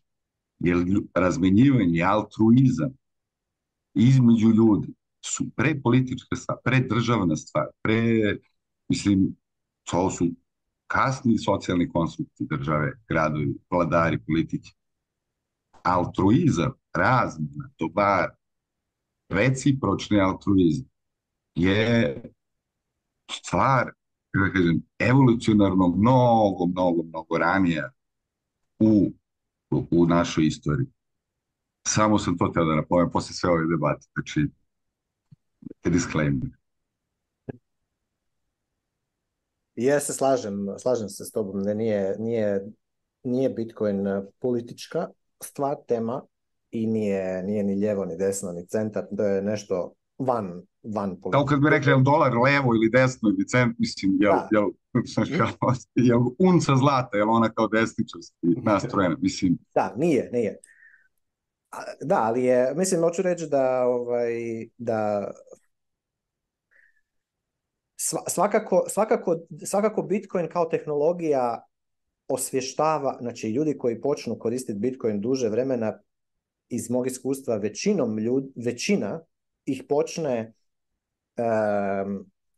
ja bih rekao, izlaziti iz paradigme e, politič, političkog rješenja za političke probleme. Zato što počne vidjeti ono što bi recimo rekli da, da je politički problem, da zapravo je problem manjka slobode koji je doveo do tog problema kroz ono seriju uzročno-posljedičnih ono, veza, koraka um, a koji uvijek započnu u momentu kad se naruši osobna sloboda uh, nekoga. Jel? I, ovaj, i, I da u biti Bitcoin vraća natrag taj, taj kapacitet slobode, slobode i odgovornosti, da se razumijemo. Znači, sloboda je jedan dio novčića, drugi dio je odgovornost. I definitivno većina ljudi danas živi u svijetu, živi bez slobode, ne zato nužno što, što ne želi slobodu, nego ne želi odgovornost. Znači, ima, puno ljudi danas jednostavno ne želi imati odgovornost osobno. Konformizam, to je normalno, e, Nego, jer opet, kad ti, kad ti makneš e, kapacitet svoje slobode, maknu si odgovornost. Neko drugi je odgovoran zapravo za tebe. Odgovoran je tvoj gospodar ne, za, za tebe, kao neko ko nema slobodu. I ja razumijem taj dio da uzimanje više slobode znači uzimanje i više odgovornosti da to nije uvijek ugodno, jer on, pa, ti si odu, ja, ja znam, ja sam, ja ako negde napravim, ako pogriješim, ja sam samo odgovoran za to. Nisam, ne mogu reći, e, ja, gledaj, ja, rekli su mi da je tako, tako su rekli tamo neki, zakon je takav, da je, čuj, stari moj, ti si odgovoran u, kad imaš slobodu, što imaš više slobodu, imaš veću odgovornost. Ono, sa Bitcoinom imaš ultimativnu slobodu, imaš ultimativnu odgovornost i ono, moraš pažljivo s time upravljati. Zato to nije isto, nije, nije, nije trivialna tehnologija, nije, nije nešto što, mislim da, ćemo, mislim da će se ljudi još puno stvari naučiti kako, kako upravljati, kako upravljati svojim novcem. Jer mi realno, znači velika većina ljudi uopće ne upravlja svojim novcem, vrijednošću svog rada ne upravlja. Ne, nemaju, nemaju, tu, nemaju tu slobodu i nemaju odgovornost za to. Um, Ali to se poveća, treba da optimistični. Zamisli koliko feudalac uopšte u feudalnom vreme znalo bilo šta. Sam, ljudi, ne, informacije se šire. Da, da, da, hoću reći, danas je ono, država se brine za moje zdravlje, država se brine za moju djecu, država se brine za moju budućnost, za moju, ko će, ono, ko će me čuvat kad budem star, jel? A, tako da ono, i ljudi su se navikli, pazi na to ali Bitcoin, ono, ti širi, širiti, tu, širiti to tvoje područje odgovornosti. Ti si sada odgovoran.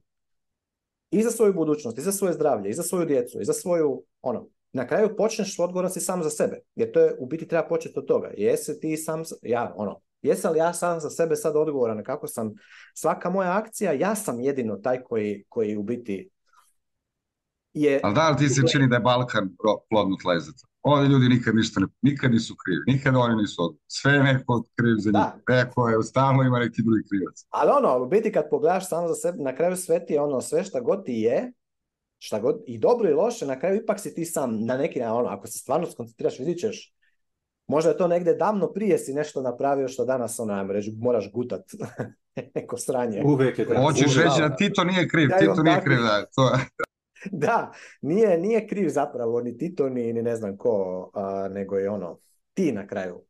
A ovaj, ali to je opet istovremeno i užasno onako, kako bi rekao, oslobađajuća ono Oslobađajuća, da.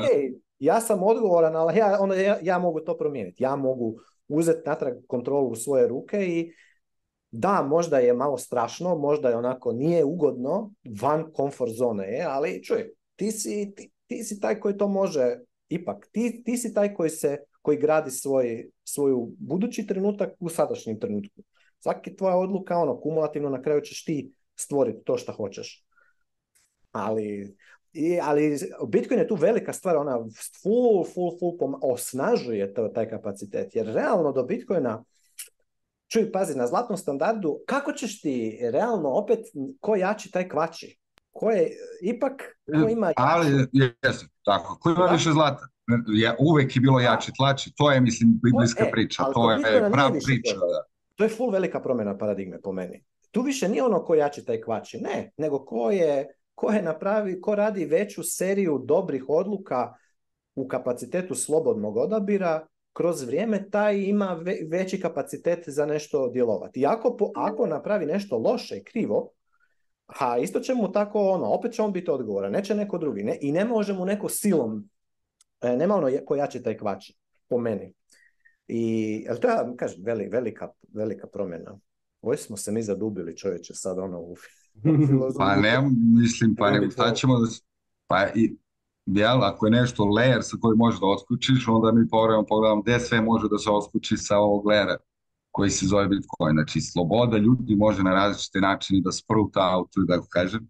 Može da ide u razne vrste spiritualizma, ali važno je da, da ovaj, imaš nekakvu zdravu osnovu za, da u digitalnom svetu možemo da raspravimo ovako, ovakve teme. Zato što zaista nije bilo realizacije realizacije nije bilo uopšte razmišljanja o drugačoj vrsti, ne znam, za production ili šta god. Tako da ovaj digitalni svet je pa nešto što ćemo da promišljamo, normalno da promišljamo kako treba, ali meni se čini da je važno da imamo ovaj, ovaj bottom line layer i da pravimo ove vrste disclaimera, da to je, kako kažem, vaša sloboda, je važno da ćete vi onda da odete se u komunu ili ćete da odete da, ne znam, šta, uredite novu religiju, to, a, to je na vama i to će socijalno, to će socijalni točak, da ga kažem, istorija oceni društvene ali su nam trebale svakako nove ideje, zato što skoro vek jedan nije bilo nekih novih ideja. mislim, i prošli put ste ispomenuo, ne znam, pa mi pade na to ovaj kapital i Marksa, evo tamo on bukvalno to je jedna od osnovnih ideja opisuje kako će mehanizacija, automatizacija, a i da izvuče jel, means of production u malo, jedna mali deo jel, ljudi ili populaciji koja će onda kontrolišu sve. Tako da trebaju nam da razmišljamo svim tim društveno-socijalnim stvarima na višem nivou kao sljedeći korak za 21. vek, ali i da, kažem, e, ljude ohrabrimo da postoje više platformi, Bitcoin je jedan od tih, ali uopšte otvoreni internet je najvažniji. Apsolutno, slažem se, slažem se. Ovaj... Da, da, da. li imaš adekvatnu ovaj background sliku sad. Vratio sam vratio sam nazad, nisam skontao nešto za ovu, ovu to Je, E, to je univerzalna, je tako, neka ideja o pobjedi čoveka nad Lizard People. To ti je ovaj, uh, eh, St. George and the Dragon. Ali ne znam jeste pričali malo o meetupu ili ovaj podcast ili prošlo, ne znam Arvin imaš neke komentare na to, znam da si... Jeste, na početku sam malo ja pričao šta se sve desilo, šta je to bilo i braži. Uh, Pavo je se prizivao neke slike i tako, ali reci šta si mi dogodilo, slobodno. Tvoj, pa tvoj, tvoj impression sa toga. Ma meni je bilo stvarno ono, lepo, lepo vidjeti toliko ljudi e, i taj čovjek koji je njegov onaj um, Johnny's Bar, to mjesto je bio ono baš dobar nama i lepo mi je bilo iskustvo i upoznati svakoga, pričati svakim. Mislim, ja mislim da bi ovo trebali raditi malo češće kad god imamo šansu da to uradimo, zato uvijek imam dobar osjećaj kad, kad se skupimo, uvijek su dobra energija, dobra ovaj, um, razgovor i ne bi dobro piće, dobra hrana i ništa ne bi htio više od toga, moram da, moram da kažem. Ali e, da, krenuli smo da na početku sa prezentacijama i, i sa tim malo sam kasnio, ali da, Filip je bio taj prvi oficijalni član 21 e, huba da ima, ištampili su neki ovaj certifikat za njega.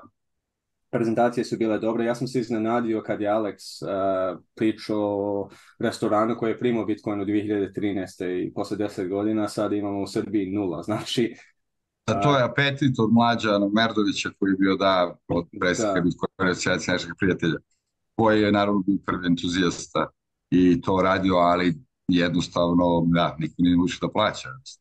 Pa to ti je to, da, treba tu vremena. Mislim, to mi ono krene mozak da pomislim koliko u stvari vremena, mislim da ti si, ti rekao malo ranije da treba čitav vek, ono da ljudi skontaju nešto novo dok ili stariji umru ili ne znam nija što to treba da se desi, da ta nova ideja ono propagates, ali ja mislim, ne znam, ne, znam sad da pravim neke odluke, ali stvarno se ne zna koliko će vremena trebati da, da masa, neka masa ljudi skonta Bitcoin, je li to pritisak neki vanjski koji treba da ih ono, prigura, jel bukvalno stari moraju da umru, da, da, da preuzmu neki mlađi ili nešto tako, ne znam. Ali to je, ne znam, ljudska priča, neka opcija je tu i sad kako se to desi, ne znam, ali kad se mi svi skupimo, imamo, e, imali smo te prezentacije, mislim, stvarno je bilo lepo meni, nadam se da ćemo nešto opet napraviti tako i hoćemo sigurno i nazvat ćemo, ono, stavit ćemo na meetup, javit ćemo da, da možete da se dođete. Mislim, cilj, cilj meni je na kraju da mi imamo neki Bitcoin, neku Bitcoin konferenciju u Beogradu, da ono, da bude protiv, ima NFT, Solana, ovo ono, ima i hiljadu ovdje, ali ne postoji jedna i mislim da Beograd je dobar grad za to, ima dosta ljudi koji putuju ili tu u okolini ili koji žive u Europi, mislim za nekoliko godina taj cilj će, će moći. Um, moćemo da... I Bitcoin influencer i bogati ljudi, čuli ste šta Braš kaže, tako da molim vas, pomozite to da bude Bitcoin konferencija u Beogradu. Da, da, da. A mislim da možemo to, možemo to dostići. Ako bude mala konferencija na početku, ali imamo, imamo mrežu ljudi, imamo dobre ljude, imamo ljudi koji će da rade za to. Mislim, sve imamo da, da to može da se desi, samo treba vremena i energija da se proof of work, da se tu izgura.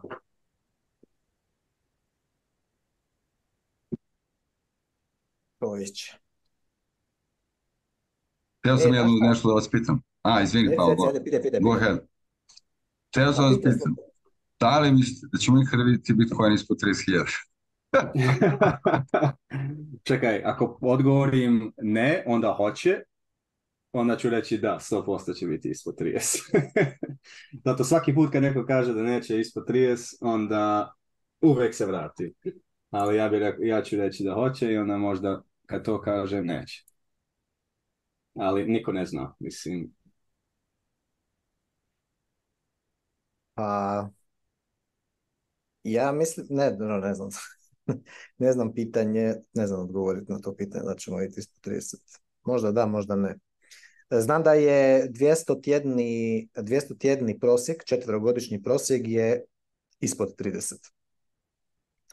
Tako da, e, tako da ono, mogli bi vidjeti, jer lani smo vidjeli i čak i 50% ispod tog prosjeka, tako sad je 26.767, tako da 26.767 duplo manje je 14, ne u biti 50%, odnosno krivo sam to rekao, 26, 767,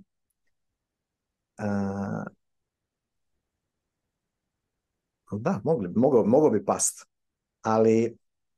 Kod bogataša hoće da kupe jeftin Bitcoin, oni će to da izguraju cijenu malo niže, niže za njih. On, to se uvijek dešava, ne znam kako oni to rade, ali kad god ima neka vijest, na primjer, oko ovog BlackRocka i tako to, oni uvijek uzmu svoju šansu ili ranije ili posle i vidi šta je accumulation, kako oni skupljaju, ali imaju oni ogromnu količinu novca da mogu da se zajebavaju malo sa cijenom, da je guraju malo dole, malo gore, ali mislim na kraju ti, kako se zovu, hodlers of last resort, ljudi koji skupljaju Bitcoin i neće da ga prodaju, ili ljudi koji non stop ulaze i kupuju Bitcoin, oni drže tu cijenu. Znači vidim neke, ne znam da sam sad vidio na Twitteru, ovi ljudi koji skupljaju Bitcoin u najmanjoj količini, znači 0 do 1 Bitcoina, adrese te manje, oni... Shrimps, jel? Šrimps, da. da. da. Znači ti gambori skupljaju ono veliku količinu bitcoina i sve više i da. više njih ima. Znači to su nam spaso, e, kako bi rekao, spaso, spasivolaci, ono, those are our saviors. E. Those are our saviors, but how many of them are already lost those wallets and those phones and everything? That's pa dobro, lesson learned. Nema odgovornost bez, e, nema, nema slobode bez odgovornosti, znaš ljudi treba to da nauče, ali možda i mi trebamo malo bolje da, da pokažemo ljudi kako, kako, kako se koristi te stvari. Možda upadaju u neke skamove, možda koriste neke loše novčnike, ne znam, znači... Ja ono, nisam nešto da... im pokažem, ja sam izgubio sve u potrebe. mislim, nisam dobra osoba za to kako se čuva da pokažem. Popio pivo i ispao iz broda. Nažalost. Ceo Ledger, Jade i sve zajedno bilo je malo. Sve zajedno, ode, ode nam sve, e, jebi ga. Pa dobro, ne znam, ne znam šta bi još rekao, ali ne znam, dobro, dobro dobro je Bili su, Da, ima, evo za, za grupu stvarao, a ima na našem kanalu, ima dobrih ovaj, je par predavanja koji su bili uh, držali i naše kolege od, i Pavel do predavanja o, o životu na standardu Bitcoin i tako ima i tu predavanje o zaista na učenicima, ne, na učenicima kako koristiti, koji su najbolji vrste učenika i tako, pa pogledajte, evo, za, neću kažem NOBS, nego svi to treba da gledaju, to uopšte nema veze sa NOBS ili ne, mislim, taj, tehnologija se isto menja, pa gledajte, pogledajte kako sve može da se napravi novčanik, kako se može da se obezbedi novčanik, šta su različite vrste potpisa i tako. Ima to na našem kanalu 21, pa ovaj, ispod ovog videa dole ima ono gde piše 21 naš broj, tu kliknete, on pokaže video sa kanala, e, video koji su na kanalu ja mislim da ko je već pao to priču novčanicima, jako je bilo interesantno. Sad kad ste vi bili, jel tako? Ne, pričao je Nikica o, o Bitcoin Da, da, svakako pogledajte. Ovaj... Da, hvala što ste to spomenuli, nisam, nisam se sjetio, ni, nisam ni, ni, ni znao za to. znam da ste bili, ali nisam znao da su bili neke prezentacije, pa slobodno, mislim da je to linkovano na, na sajtu ili na YouTube-u, ili na oboje. oboje. Znači... Na YouTube-u, vjerojatno ljudi sad ovo gledaju na YouTube-u, čao svim. E pa onda ovo, kao što sam rekao, dole ime gdje piše 21, tog. Kliknete, otvorimo video s kanala i tu su, tu su par ovaj. Mikica, naravno, le, legendarni ovaj, član ovog podcasta i to ovaj, ja, čovjek koji je jako razgovetno lepo priča to je pa poslušao. Da, i mi smo tu na kraju da pomognemo. Znači, ako imate neka pitanja i posle gledanja toga niste ono nešto sigurni, slobodno javite, ono, pošaljite ili privatnu poruku ili javite se u grupi, mislim, mi smo tu za takve stvari. Imamo neko, Pavao ovaj, možda traži ovaj novac za to. Pavao možda, možda traži novac za to, samo da znaš, ali ne, ne, ne, ne morate... ovo je njegova dobra volja sad, ovo je, ovo je donation, ovo je, ovo je donation of time. Ne traži, ne traži, nego ako hoće ko pričat ne, da pač, može, može se. Pa, ali da, upravo si, znaš što bi Pavel rekao, znači ako čovjek ne plati, on nije ono serious, on nije ozbiljan oko toga. Znači ako on plati, on je sad odjednom uh, in the često Je, često je isplativije bi nekome bilo platit da mu se ono, da ga se on na, na Bitcoin standard. I više bi, više bi njemu bilo korisno nego nužno onome ko će, ko će primiti novac za to.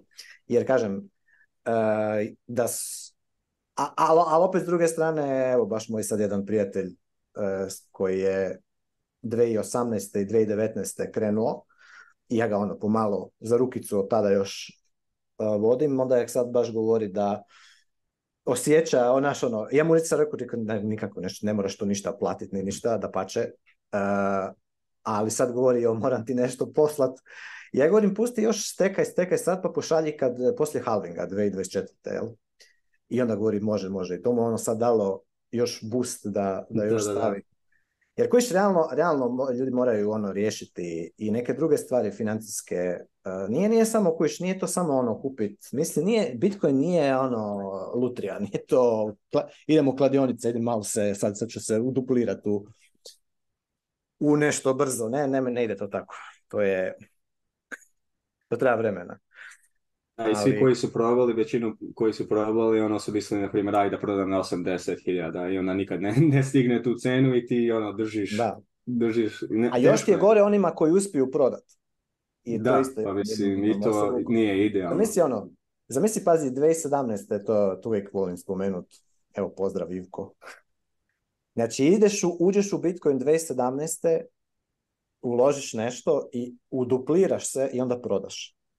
I onda vidiš dalje kako ti ono Bitcoin pobjegne, ono, price ode gore, dolje. Zamisli to, zamisli derangement sindrom koji možeš imati. Nije Bitcoin za igranje. To da. treba... Nije ni ludska e, psihologija za igranje. Da, znači, nije, nije. Je Definitivno Tudna stvar na kraju. Ne, ne. Treba se, treba s tim oprezno i, i, i to je to. Ne znam da sam, dobro, to ću možda u drugom, drugom prilikom, ali sam išao, išao sam raditi jednu malo number crunchinga, raditi konkretno za Bitcoin i za, za cijenu da ovaj, u kontekstu ovoga 201. prosjeka, ne znam da li to sada ka, pričam o tome ili ne, ali uglavnom... Da, daj nešto što ima veze s cenom, pa da, daj ljudi, to ovaj pa, Aj, čekaj da baš malo, ovaj, da, da tu otvorim taj, jer sam napravio jednu tablicu koja je dosta interesantna. Mislim, vjerojatno, ste, vjerojatno je neko čuo za onaj Mayer Multiple, ono što je 200-dnevni moving average, ali ovo je 200 tjedni, znači govorimo o četiri godine. Znači, gledamo ovaj graf. Čitav znači. Jel? 200 week moving average, jel? Da. Znači, ova tu linija koja ide polagano se penje, to je prosjek cijene u 200 tjedana, odnosno u 4 godine, a ove tu ovo što divlja, to je trenutna cijena. Ovo su inače e, dnevni close. Jel? I onda što sam, ono, što sam išao napraviti je da vidim koliki je prosjek, znači ukoliko u prosjeku je cijena Bitcoina trenutna viša od 200 tjednoga prosjeka. Znači vidite da je u, u velikoj većini vremena je veća. Samo smo u ovom periodu je bila ispod, jel? tu je bilo kratko, ovo je bio korona crash, znači taknula je cijena malo, malo ispod, tu je bila, tu se približila, nije baš pala ispod, jel? nego je bila blizu.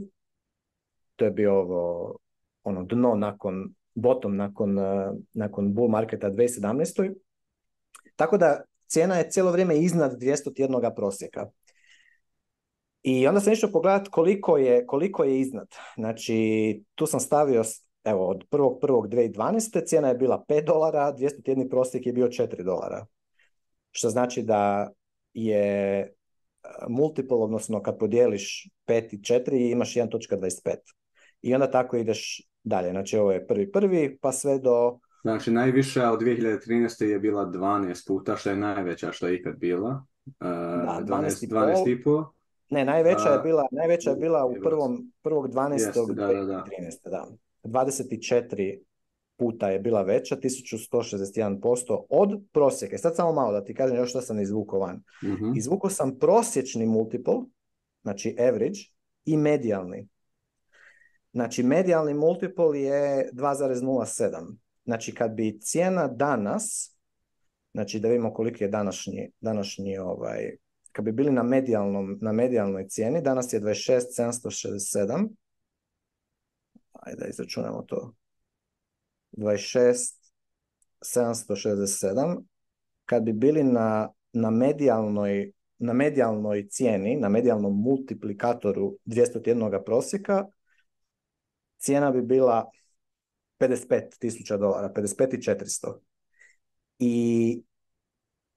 a sad smo ispod.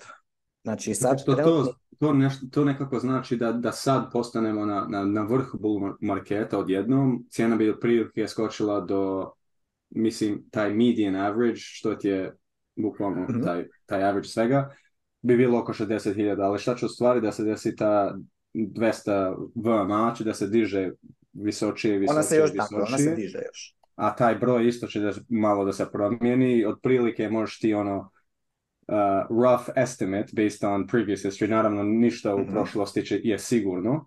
Um, ti možeš reći potencijal za, za vrh je ova otprilike u ovom ovaj range, na primjer. znači, sad je oko 60.000, ali poslije par mjeseci, godinu dana, ne znamo da će to tačno biti.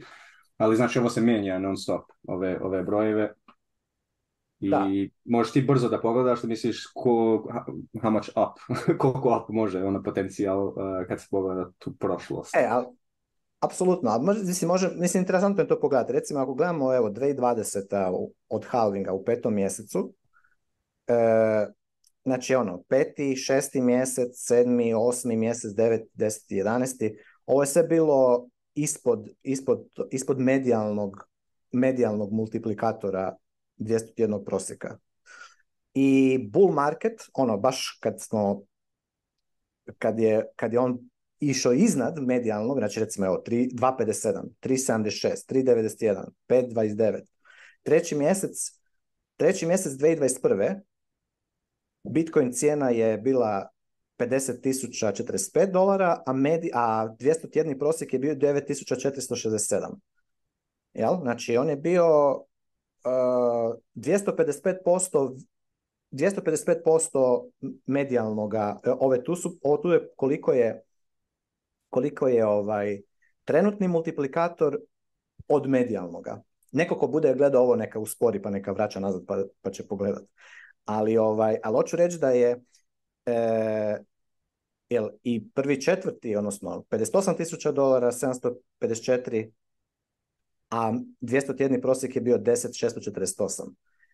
Tako da, ili recimo, evo, sad smo na, sad smo na oko 30.000 dolara, jel?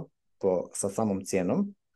E, a 200 tjedni prosjek je 20, da vidimo, 26, ja mislim da je, 26.767.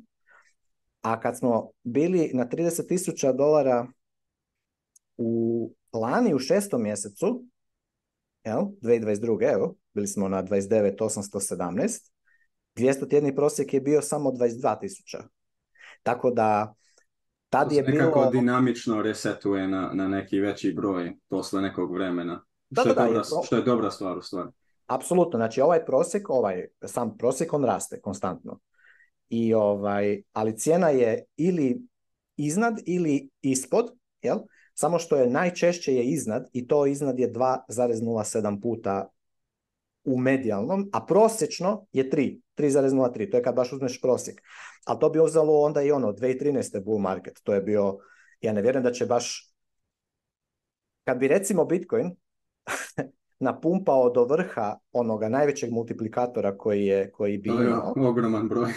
to bi bilo da 24 puta uh, sadašnja cijena e, sadašnji moving average je 26 27 26776 evo baš da 707 ajmo ovako. Znači to bi bio 640.000 dolara. To bi bio vrh 2013. bull market, ali to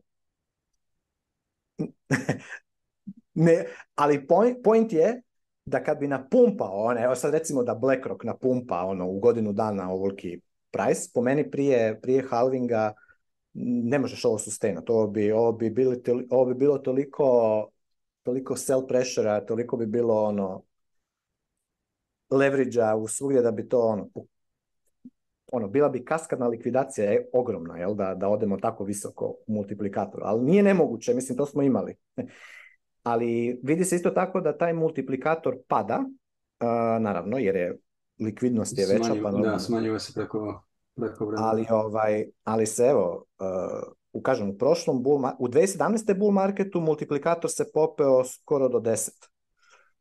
Znači, skoro 10 puta je bila veća, veća cijena uh, u 2017. nego što je bio 200 week moving average.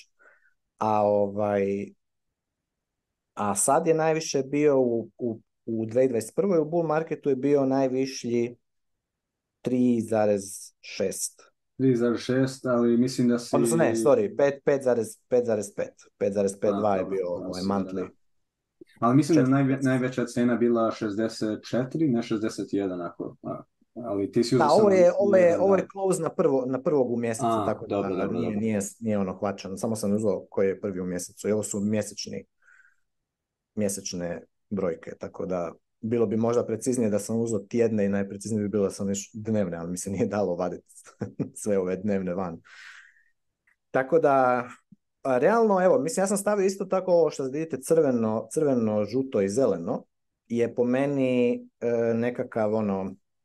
Znači... Kada se kupuje, kada se, mislim, neutralna neka žuta negdje si u sredini, da. zeleno si, znači, ne može ono, mnogo, mnogo više ići, možda. A, crveno je kad bi trebalo da kupuješ. Da, jer sam uzeo zapravo prosjek, koliki je bio prosječni, prosječni postotak e, od medijalne cijene. Znači, ajde, pratite me. Ovo je, ovdje sam uzeo medijalnu cijenu, ne, ne prosječnu, i koliko je postotak od medijalne cijene i onda prosjek postotka od medijalne cijene je 146%. I ako je, ako je ovaj, um, do, do, uh, do medijalne cijene, odnosno od 1 do, ako je ispod, ispod 200 week moving average, to sam stavio to sam stavio crveno. Odnosno, čekaj samo da vidim, da, da, da, ne, da ne bubnem bez veze.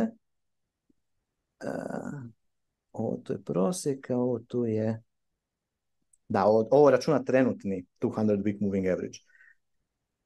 Znači, samo in conditional formatting ovdje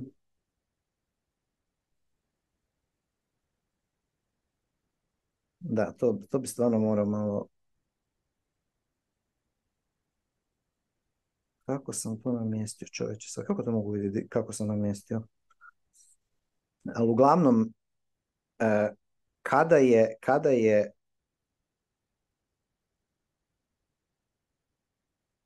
Da, znači kada je ovaj, kada smo između jedan i prosjeka, onda je žuto, kad smo iznad, iznad prosjeka, onda je zeleno. Znači ako, ako idemo ovaj, po, to, po toj logici bi recimo ovo, ovo bi bili mjeseci kada je bilo ono, ne kažem sada za prodat Bitcoin, ali, ali ono, bilo... Za trošiti. Kako bi rekao? Ako ulaziš, ako ulaziš, mislim to su naravno, to su ti bull market mjeseci koji su ono, kada je bio najveći hype, ali realno ako ideš ulaziš u najveći hype, najveća je vjerojatnost da će se cijena vratiti natrag. A ovo je bio najdublji, mislim ovo je bio najbolji. Ovo je bilo ispod, jel? ispod uh, e, 200 prosjeka, to su bili ovi mjeseci. Prvi sedmi, to je bio deveti mjesec, deseti mjesec lani, jedanesti, dvanesti. Mislim, bili smo mi tu dosta, pazi ovaj period.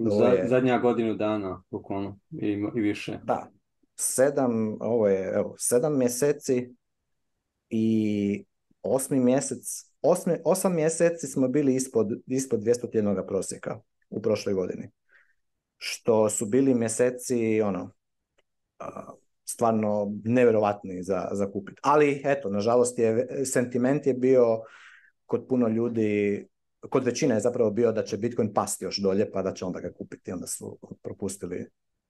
Zato kažem, all in u Bitcoin, cijelo vrijeme biti all in u Bitcoinu je, je best. Pa da, ili mislim, ovo je zanimljiva kao da ljudi koriste ako hoće da budu, hoće da probaju da budu malo više taktični oko toga. Ovo je jedna stvar koja može tako da se koristi, ali da slažem se, uvijek može da pobegne, da se pobegne od tebe cena i ali dobro je da, da, da na primjer, ako neko uđe i, u tu zelenu zonu, da ima svest da, da, da u stvari će morati malo duže treba malo duže vremena da se to isplati. Da, možda ono, sljedećih par mjeseci ono će naskoči, dobro uživaj ali dugoročno, e, mislim ovo je duga igra, znaš, to je, nema, nemamo drugu opciju bez toga.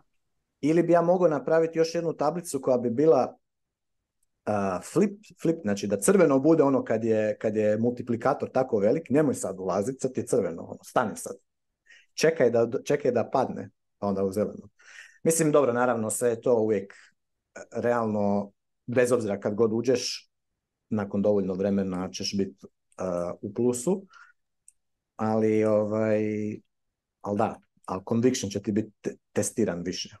Zato kažem, ljudi koji su sada, koji sada, se, koji sada prate ove, ove naše podcaste, koji su u grupi, koji sada se pitaju, koji sada razmišljaju o tim stvarima, sad je super vrijeme za to. E, malo lošije nego što je bilo lani kad smo baš ono bili ispod 200 prosjeka, ali i dalje, je, i dalje smo mi ono sa cijenom full supresirani. Što se naravno vidi se na ovome grafu. Još jedan put samo da ga pokažem. Znači ono, vidiš gdje je na samoj, praktički full smo blizu tog 200 prosjeka. U prosjeku je on puno više. Cijena Bitcoina je puno viša. Kažem, da je Bitcoin sada 55.000 dolara, tu bi bili u medijalnom, na medijalnoj na medijalnom multiplikatoru.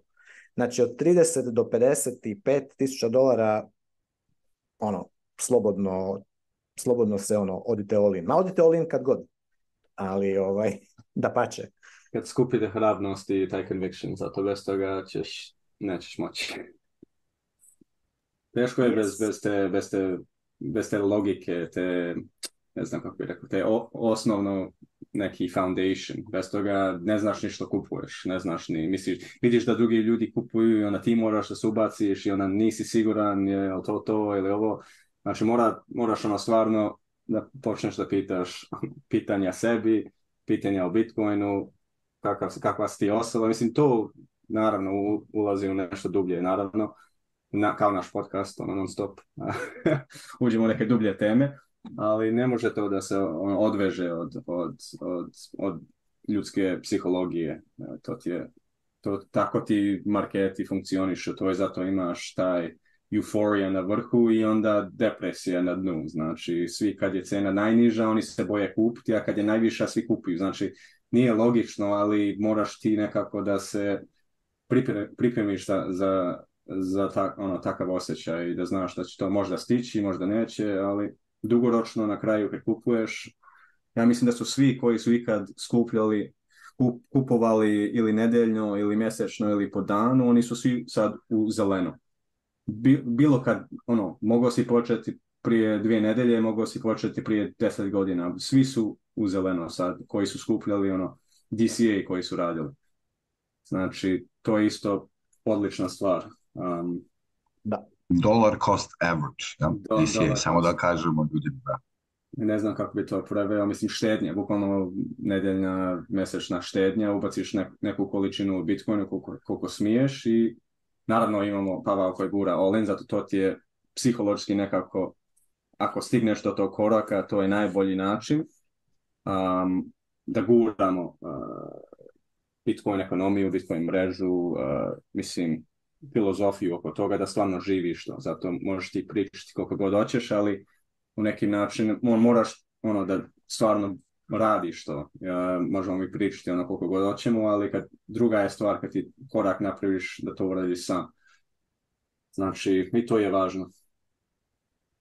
Ali naj, Jeste vi završili? Najluđe, Niste. samo sam htio reći, naj, naj, najluđe u, u cijeloj toj stvari kad odeš all in ti je u biti to da da si, mislim, očekivao biš da imaš, da, da, ti je više volatilni život, ono, da, imaš više, kako bi rekao, tih emotivnih ups and downs, ali u biti obrnuto je, imaš manje.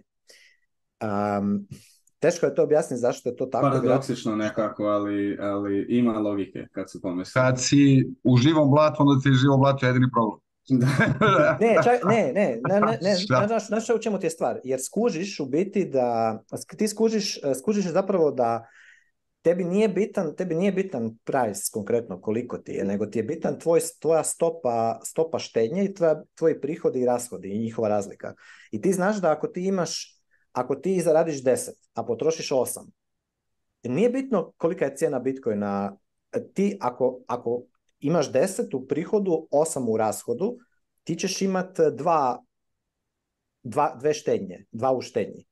E sad, ono što ćeš dobiti definitivno ako si all u Bitcoinu, je da kada Bitcoin pada, kad mu kupovna moć pada, prirodno što ćeš ti radit je da ćeš pokušat prihode dignut sa 10 recimo na 11, a rashode spustit sa 8 na 7.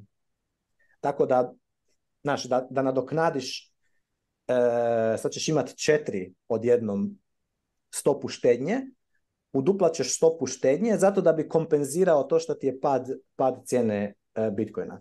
A efektivno ono što ti, se, što ti se dogodi je da u biti ti želiš, ako ti želiš imati veću stopu štednje u, u bear marketu, a isto tako obrnuto je u bull marketu, jer u bull marketu ti, ti onda vidiš da, da nije u biti ono, nema toga never sell my bitcoin. Ti, to je, evo da ponovim, vjerujem sam ponavljam, moram opet ponoviti. Nema, nema situacije gdje ti ne prodaješ bitcoin. Ti ako, ti zarađuješ 10, a trošiš 8, uh, eh, ti ako potrošiš 8, nije bitno da se ti njih potrošio u eurima, dolarima, fiatu, srpskom dinaru, čemu god. To što si potrošio novac, to je novac kojega da nisi potrošio, je mogao biti ići u Bitcoin. Tako da ti efektivno svaki put kad imaš outflow, znači kad imaš rashod, ti imaš oportunitetni trošak u Bitcoinu. Tako da ta priča neću ću nikad prodat moj Bitcoin je glupost zato što ti prodaješ Bitcoin svaki put kad potrošiš novac. Da, da, ono, Slažem se sa tim. Jel, znači nema, nema, tu, nema tu priče, nego je bitno je ono što je bitno je da li je kakva je tvoja stopa štednje, da prva stvar da li imaš pozitivnu stopu štednje. Isto neko kaže, e, ja neću prodat Bitcoin, ja ću dignut kredit, pa ću onda, pa onda kupiti Bitcoin, e, neću, ga prodat. Ali sve što si ti napravio je da si ti uvećao rashodovnu stranu u budućnosti i ti ćeš, ima, ti ćeš opet to morat platiti, ti ćeš opet to rashodovati. Samo, nisi siguran ni kad, ni na koju cenu. samo nisi siguran, samo što ti si stavio to, ti si stavio na svoj budući prihod i budući rashod, a ti budućnost ne znaš, jer budućnost je ne, ne možeš znat, nikad ne možeš znat točno što će se dogoditi niti sutra, niti za godinu dana, niti za pet godina, niti za deset godina. Ali ono što možeš znati sa 100% sigurnošću i izvjesnošću je što se dogodilo danas, šta se dogodilo jučer, prije godinu dana, prije tri godine, prije deset godina. Znači, ja samo kažem, kad samo postaviš te neke jednostavne principe, a to je ne zaduživati se, ne trošiti budući, budući prihod, budući novac, nego samo iz prošlosti koji je 100% izvjestan i kada, kada uhvatiš kontrolu nad novcem, znači kad se naučiš zero-based budgeting, budžetiranje nulte razine, znači kad ti znaš točno koliki su prihodi, koliki su rashodi i točno kako ti je novac namijenjen u svakom trenutku, znači za što, bilo koji iznos novca kojeg imaš, kako si ga namijenio, ti kad radiš to i onda na kraju još ako ćeš implementirati to da zadovoljiš taj, taj, taj, taj impuls solidarnosti, altruizma, filantropije i da ti duša ono raste u tom smislu, ako sustavno i daješ između 10 i 20% od tog svog budžeta, ti ćeš imat, imaš mogućnost jednostavno da ono, Flipaš skroz se sa ovoga sporog, sporog inflatornog novca, nisko volatilnog inflatornog novca koji je državni fiat novac, u visoko volatilni deflatorni novac. Jer opet, ta volatilnost radi u tvoju korist. I ona ne postaje, ona više nije nikakav problem. Dolar cost averaging je samo strategija koja heđa volatilnost Bitcoina. Ali u biti volatilnost Bitcoina je, je super stvar jer na granularnoj razini možeš, e, možeš e, već, već ti ona može biti u plusu. Ja sam, ali opet, to kad radite na, na, na tako svakodnevnoj razini, ti, ja sam Apple, sad, sad opet, čim je Bitcoin višlji, jel, u, stopa potrošnje ide malo gore, jel? ali opet ne toliko da, da kompromitira e, ukupnu stopu štednje. Znači recimo sad opet, dogod, dogod mi ne uđemo u sljedeći veliki bull market, ja sigurno neću raditi velike, velike troškove. Velike, iako bi mogao, ali sad nema to smisla raditi, jer jednostavno ono nije, nije vrijeme za to. Ali kada je bull market, kada ti vidiš, a zna se kada je sentiment takav, i, i to na kraju te tvoj budžet pokazuje, a onda da, definitivno se, definitivno se isplati e, potrošiti Bitcoin. Jer opet, vi kad potrošite Bitcoin u bull marketu, spustite svoju stopu potrošnje u bear marketu i dignete stopu štednje u bear marketu sljedećem koji nastupa nakon njega. To je ono što je, što je, ali mislim, kažem, to, to je baš fascinantna, fascinantna stvar. Jer kažem, ko je recimo u bull marketu prošlom, 2021. godini, kupio, potrošio ono što mu je trebalo, Sada ne mora, sada može akumulirati, sad ima stopu troškova nižu nego što bi imao da nije, da se ono išao i ne daj Bože zadužiti u 2021. u bull marketu. Jer sada ono plaća, plaća, plaća ratu na, na ono, kada je kupio Bitcoin po višim cijenama, jel? Tako da sve ta rata koju, koju plaća sada, ako me razumijete šta hoću reći matematički, bi mogla ići u Bitcoin po, nižoj, po nižim cijenama. Tako da ne, ne ulaziti u dug, ne ulaziti u kredit. Koliko god bili bio, bio neko je napisao na, na kanalu neki dan neko neki servis novi za kolateralizirani Bitcoin ono, lending. Kao, ali ovaj put je dobar jer se drži u multisignaturu, nemojte to raditi. Nije dobro, nije mudro, nego je foolish. Ono. Foolish, ludost. To je ludost. Zaduživanje je ludost. I nema nikakvog, ništa od toga neće dobro doći. Jedno što će dobro doći, da ćete naučiti na kraju da to nije bilo dobro raditi. ali, ali mimo toga nema ništa dobro. Dosta rento, dosta rento. Jesmo još. Samo se ti još ovo pokazati. Ovo mi je tako ludo. Neko je stavio sada na kanalu nešto sa kozama, a ja ovo obožavam. Kako je ovo dobro, e, ne mogu vjerovati. Ovo bi ja da, evo, da imaš ovo kod nas, mislim ja ću morati tu kozu. Mislim, ima, Tvoja koza, naša briga. Pa šta nije ovo super? Znači, to se do... znači, nekako iznamljuješ kozu, a dobijaš moje kosireve i tako to, i to ti... Tako je, oni ti, vidiš, sve ovo dobiješ, proizvode od kozega mlijeka. Morat ću to da Zajednička koza, predviđena za jednu dve osobe. Koliko je 3900 dinara, koliko je to u eurima? Pa to ti je oko 35 eura. Klasična prostitucija koza, strašno. Ma, mislim da je ovo, ovo je odlična stvar. I pazi, ti dobiješ... A bolje svaki... nego subsidencije iz države. Meni je ovaj model mnogo, mnogo bolji. Čekaj malo, ti... Znači, jednom nedeljno paket mliječnih proizvoda za čiju proizvodnju je utrošeno 7 litara mlijeka. Hm. Pa to je super. Šta je, šta je vama? Suma sumarum, 7 litara kozi mlijeka za 3900 dinara. Pritom, to je u proizvodu, nije baš u mlijeku. Ovo je pa tjedno, to je tjedno. Znači, dobiješ 7 puta 4. Znači, jednom nedeljno, jel, paket? Hm. A, mada je više ovo gore mesečno ima neku zvezdicu, tako da, da. Šta piše dole? Aha, minimum godinu dana. Moraš se pametati da ćeš 12 mjeseci. Ma, Koliko je 12 puta 4, to je 48, jel, to je 400 evra. Godinu dana napred, 400 evra, svake nedelje dobiješ, jel, eto, 7 litara mleka, da. proizvoda, mleča. Pa šta, još imaš ono, evo. Imaš tu veći paket za, za čitavu kozu. Ali ceo proces mora bude na blockchainu, moramo da gledamo kako je hranimo, da gledamo mužu, moramo da gledamo pravljenje, pravljenje mleka, da se to sve verifikuje, da se timestampuje na blockchain, pa ovo. Ili da, je, samo staviš one kamere kao one kokoške u... Možeš i posjetiti tu svoju kozu, ili? Jedino što ne možeš da je ubiješ odmah zakolju za meso, ali? Da, to ne da Da A ovo je za sireve, da, i za, za mlijeko. Pa, sviđa mi se taj ovo bi trebalo napraviti. Mislim, ja sam, ovo, ja tražio tu na rabu kod nas. Ne, e, nema. Ovako ne. Neće, ne da se ljudima radi. Treba se uhvatiti posla. Svaka čast.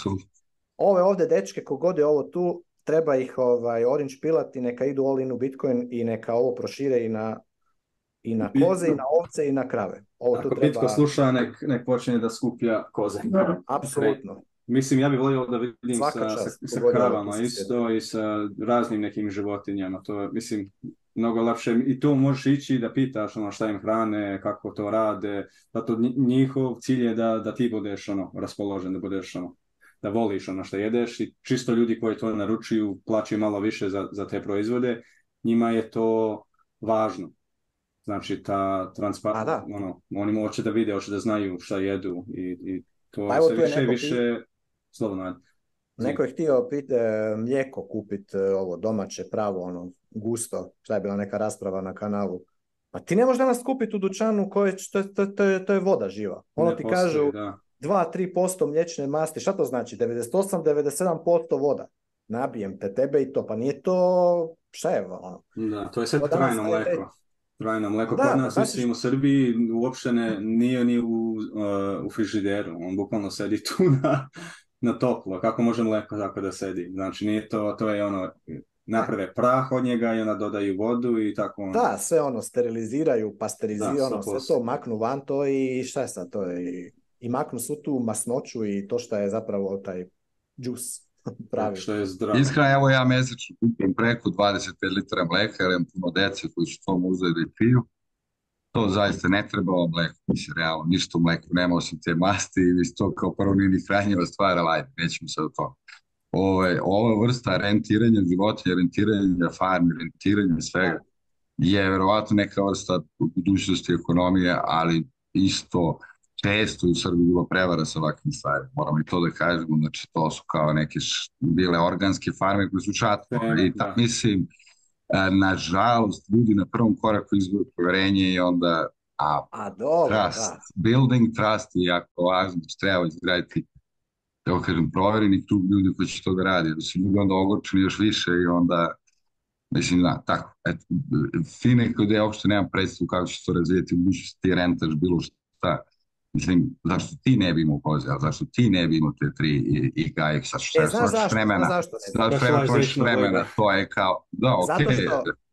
znaš zašto ali ne bi imao ti? Zato što, zato što živiš u stanu crnog grada, na primjer, ali ajde, da, ali da živiš, ali da živiš negdje drugdje, nije da ti, zapravo, eh, nije, nije, ekonomično, zato što ti imaš ekonomiju kada se specializira. Ekonomija obima, naravno, ekonomija obima, obim je, tako, naravno, razumijem, Mislim, hoću da kažem, pa samo svako mora treba dobar model. Sve što. ne, a sve što sve ti konzumiraš i što trošiš, zamisli da se moraš raditi sam. Zamisli da sam moraš napraviti ovu košulju koju nosiš ili zamisli da sam moraš napraviti laptop, sam napraviti mobitel, sam napraviti Ali mi smo došli ovdje zato što kažemo to. Ali smo došli u ovu vrstu konzumerizma zato što to kažemo. Ne možemo mi da pravimo, pa onda nek prave ovi koji moraju da prave 100 miliona, pa onda oni ne mogu napraviti stvarnog mleka nego praha. Tako da je to jeste uzručno vezano. Mislim, ta ekonomija uvijek na kraju nas dovede do te neke ekonomije beskonačnog rasta. Ali je fino da ima samo mehanizam. Ne kažu, ja ne, ne želim sad da super ideja, sve makneš, kažu. makneš ti državu i njene subvencije. Evo ovo je makni, tebe makni čoveče, on će zvoniti na vrata čovječe. eliminirati državu i subvencije za mlijeko i vidit ćeš kako ćeš imat, imat ćeš onda, možda neko hoće kupovat mlijeko koje ima samo 1% mliječne masti koje je 99% voda i hoće to platiti. Ali ja ti garantiram, imaš ljudi koji neće to, ja sam prvi koji hoće kupiti pravo mlijeko sa puno masnim, koliko god je, ne znam koliko je, bitko će znat bolje koliko ima ovaj, kad se izmuzi direktno iz krave, koliko ima mliječne masti. A ne da mi to zato, e, ne možemo mi to kupiti jer nam tamo država je rekla da ne smijemo se to. Ma koja ono poludim nečoveče. I, e, I onda će država reći, e, a mi ćemo... Evo ga novi mem, ovo je bio novi mem, napravit ću gif sad od ovoga, ovo si izveo, to je bio mem materijal, jel da, brez? Slažem se, slažem se. Ma i tu ima mafija velika u, u te uh, poljoprivredne uh, sisteme, tu se država miješa, subsidencije, sve, mislim, kvalitet spada cijena stvari goriva i to skočilo, ljudi ne, ne zarađuju, država održava neku cijenu, predavnici za najjeftinije one procesovane stvari, mleko i... Tako je, race to the bottom, da, race to the bottom. Da, ali ne bi, mislim, sa FIAT-a naravno imaš taj problem, a sa Bitcoin-om nećeš imati taj problem, ali sve, ono, koliko god možemo, moramo da odvojimo tu odgovornost, ne, ne smijemo da, da, da samo nam država pomaže sa tim stvarima, što, što volim da vidimo ovakve modele, zato pusti običnog čoveka da financira ovo, naravno sa svojim Tako rizikom, ali daje opciju da, da ta farma sad ne mora ići do države i da pita za neke subsidencije, ona našla drugačiji model da ljudi koji stvarno hoće, vole, oni će da plate malo više za taj bolji kvalitet. Možda, možda malo više nego što trebaju, ali meni to nije bitno, zato bit će tih ljudi i, i važno je da se, mislim, ta vrednost nekako čuva, mislim. I sad pazi ovo, Arvin. Daj Bože da ovaj ovdje konzorcijum generira ogromne profite. Da on tipa mlijeko ga, recimo da ga košta, ti kažeš, platiš... Oni jesu uspješna farma već, izvini ja mislim oni jesu već uspješna farma. Ja. Zamisli ovo, zamisli sad ovo. On zaradi 30 eura mjesečno a svaka ta u prosjeku ga košta možda 5 eura mjesečno, znači 25 eura na svakom, na svakom pretplatniku ima profita. Znači to je ono, 500 postotni profit, profitna marža. Ma blago ja to, jer šta bi se onda desilo da on stvarno ima tako visoku maržu? Pa čovječe, znaš koliko bi se ljudi ono osjetilo, idem ja isto ono, iznemljivati koze po 30 eura svaki mjesec. Pa ću i ja isto raditi 500%, 500 profitnu maržu svaki mjesec i šta se onda desi? kad se toliko skupi ono, znači čovjek ko profitira masovno, e onda se to dođeš, dobiješ više proizvodnje, dobiješ više ponude. I uvijek se cijena nazad vrati u ekvilibri ponude i potražnje. Ali, i zato je profit dobar. Jer da, a s druge strane da on ostvaruje gubitak, znači da njega, da njega košta više od 30 eura svaki mjesec te koze, onda će na nekom, na nekom trenutku više neće moći to raditi. Tako da profit i, i gubitak, to su, to su signali ekonomski. Ali onda vidiš problem po meni, je, se onda zaokružimo tu priču, je kada dođe država i kaže njemu, e da, da, e, ali ti sad ne smiješ, te ko, ti se baviš kozama, sad ćemo mi zato što šta god. E, zaštitit ćemo, ne znam, neka ka šta su već razlozi zašto se e, ovaj, koze smiju ili ne smiju uzgajat, koji god već bullshit kretenski ono, izmisle E, ono, Fiat Akademija, koja, ono, koja je plaćena iz istog toga Fiata, e, zato on mora platiti ne znam koliko, koliko od toga što zaradi čemu mu, uze država. To je problem. E, a, a, nije problem profit. I još bolje nek se on nekode ode u Bitcoin, taj sa kozama. Čovječe, ono, baš mi se sviđa, baš mi se sviđa kako je ovaj, Ma zanimljivo što mi Arvin rekao da to je već uspješna farma, što možda znači da, da ovo nije moguće za, za, za manje proizvodače. Uh, e, u stvari možda jeste, možda ovaj model ako krene, oni će moći uh, nije, da se širi. Pa na Instagramu, ali možda oni imaju... Možda, možda je, možda tek počeo s nečim hm. na internetu, ali ne izgleda mi ovo kao nekakva velika sad. E, I možda on, on, on, on kao veća farma ili oni kao veća farma su imali neke probleme sa prodaju ili e, kako da prodaju stvari u prodavnicama. Ne znam, nije, možda im lakše. Mnogo, možda je ovo bolji model za njih i oni, oni što da probaju ovo da vidi da li rade, ali zanimljivo da se pomisli da li su oni u stvari... Stani na ovom, molim ti, stani na ovo moja koza na ovom drugom, eto. da mogu da za 3900 dinara imam kozu da, zovem da je malo. Da sam mas, da, da, da, ono, možeš, ono, možeš, ono. možeš.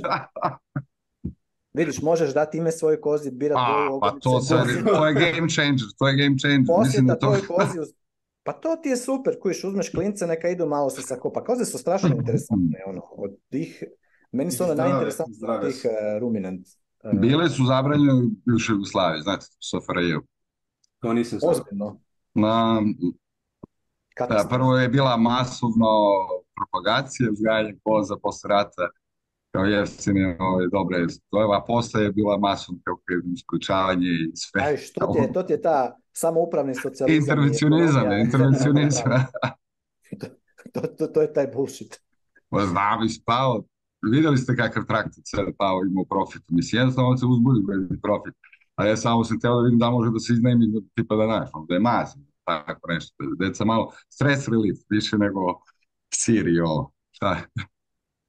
Slažem se. Mislim i sigurno tu postoji ono da se dogovori s njima da doplatiš malo više ako hoćeš tu kozu specifično svoju da hraniš sa nečim, ne znam, što god hoćeš. Ono, vidiš sa čovekom, popričaš koliko ti košta, koliko meni košta, evo da ubici malo više. Ako stvarno hoćeš ono taj personal ono experience, ali mislim do, lepo je vidjeti ovakve ideje. Mislim da sam vidio neke razne ovakve stvari. Um, i, da, ili koliko je skupio ovaj paket gdje možeš gluposti da ti tipa biraš boje ogrlice i to, mislim, nisu pa glupo, nego kao to je added baš kao, na proizvod.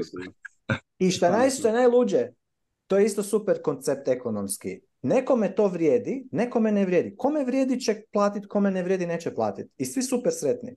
I opet problem s državom. Zašto bi sad država došla i rekla, e, gledaj, sad ti moraš ovo ovdje staviti da ja mogu, ne znam, nju tamo gladiti ili ne smiješ to raditi. makni mi se čar, makni mi se iz, iz života. To je ono samo što ja želim reći vezano za, za to. I ovaj, ali ovo, mislim, baš, baš mi je lijepa, lijepa ova stvar, potiče, ovo, mas, ne znam, super. A čekaj, zar ne baš na ostrovu neko super ovaj, kao okruženje za koze? Tako, nema puno meditacije, pa samo one... okruženje za koze. Samo šta kojiš, ja se, ima, ima, tu, ima tu kod nas na ostrvu, ima jedan, kaže ovaj kao imaju ti farme ovih magaraca. E, baš jedna mlada. nekoji i sir od e, magaraca. Ma da, rade to, ali isto imaju, imaju par koza. Čekaj, kako se zovu? To se zovu se ovaj... E, evo ga, da ti, OPG kanat. I sad sam ja pričao s njima i počeo, ono polagano ih orange pilat, bitcoin i tako dalje. I ovaj, i bi, on radi samo što on ono radi, ima full time posao, a ona se više bavi sa tim, vidiš imaju ti koze, imaju uh, jagnjad, vidiš, ovo im je mali, i imaju ti te magarce koje onda možeš ono doći i možeš ih e, gladiti, to sve. Ja sam njima rekao, ono, uh, gledaj, vi, ja, govorim, morate kupiti, ja, ja ću vam, ja, ću, ja bi kupio, ja bi kupio kravu još, dve buše krave koje su, inače ovo na, na otoku je malo više onako suho i samo ta jedna vrsta krava može, može doći na otok. I, ovaj, I sve to super.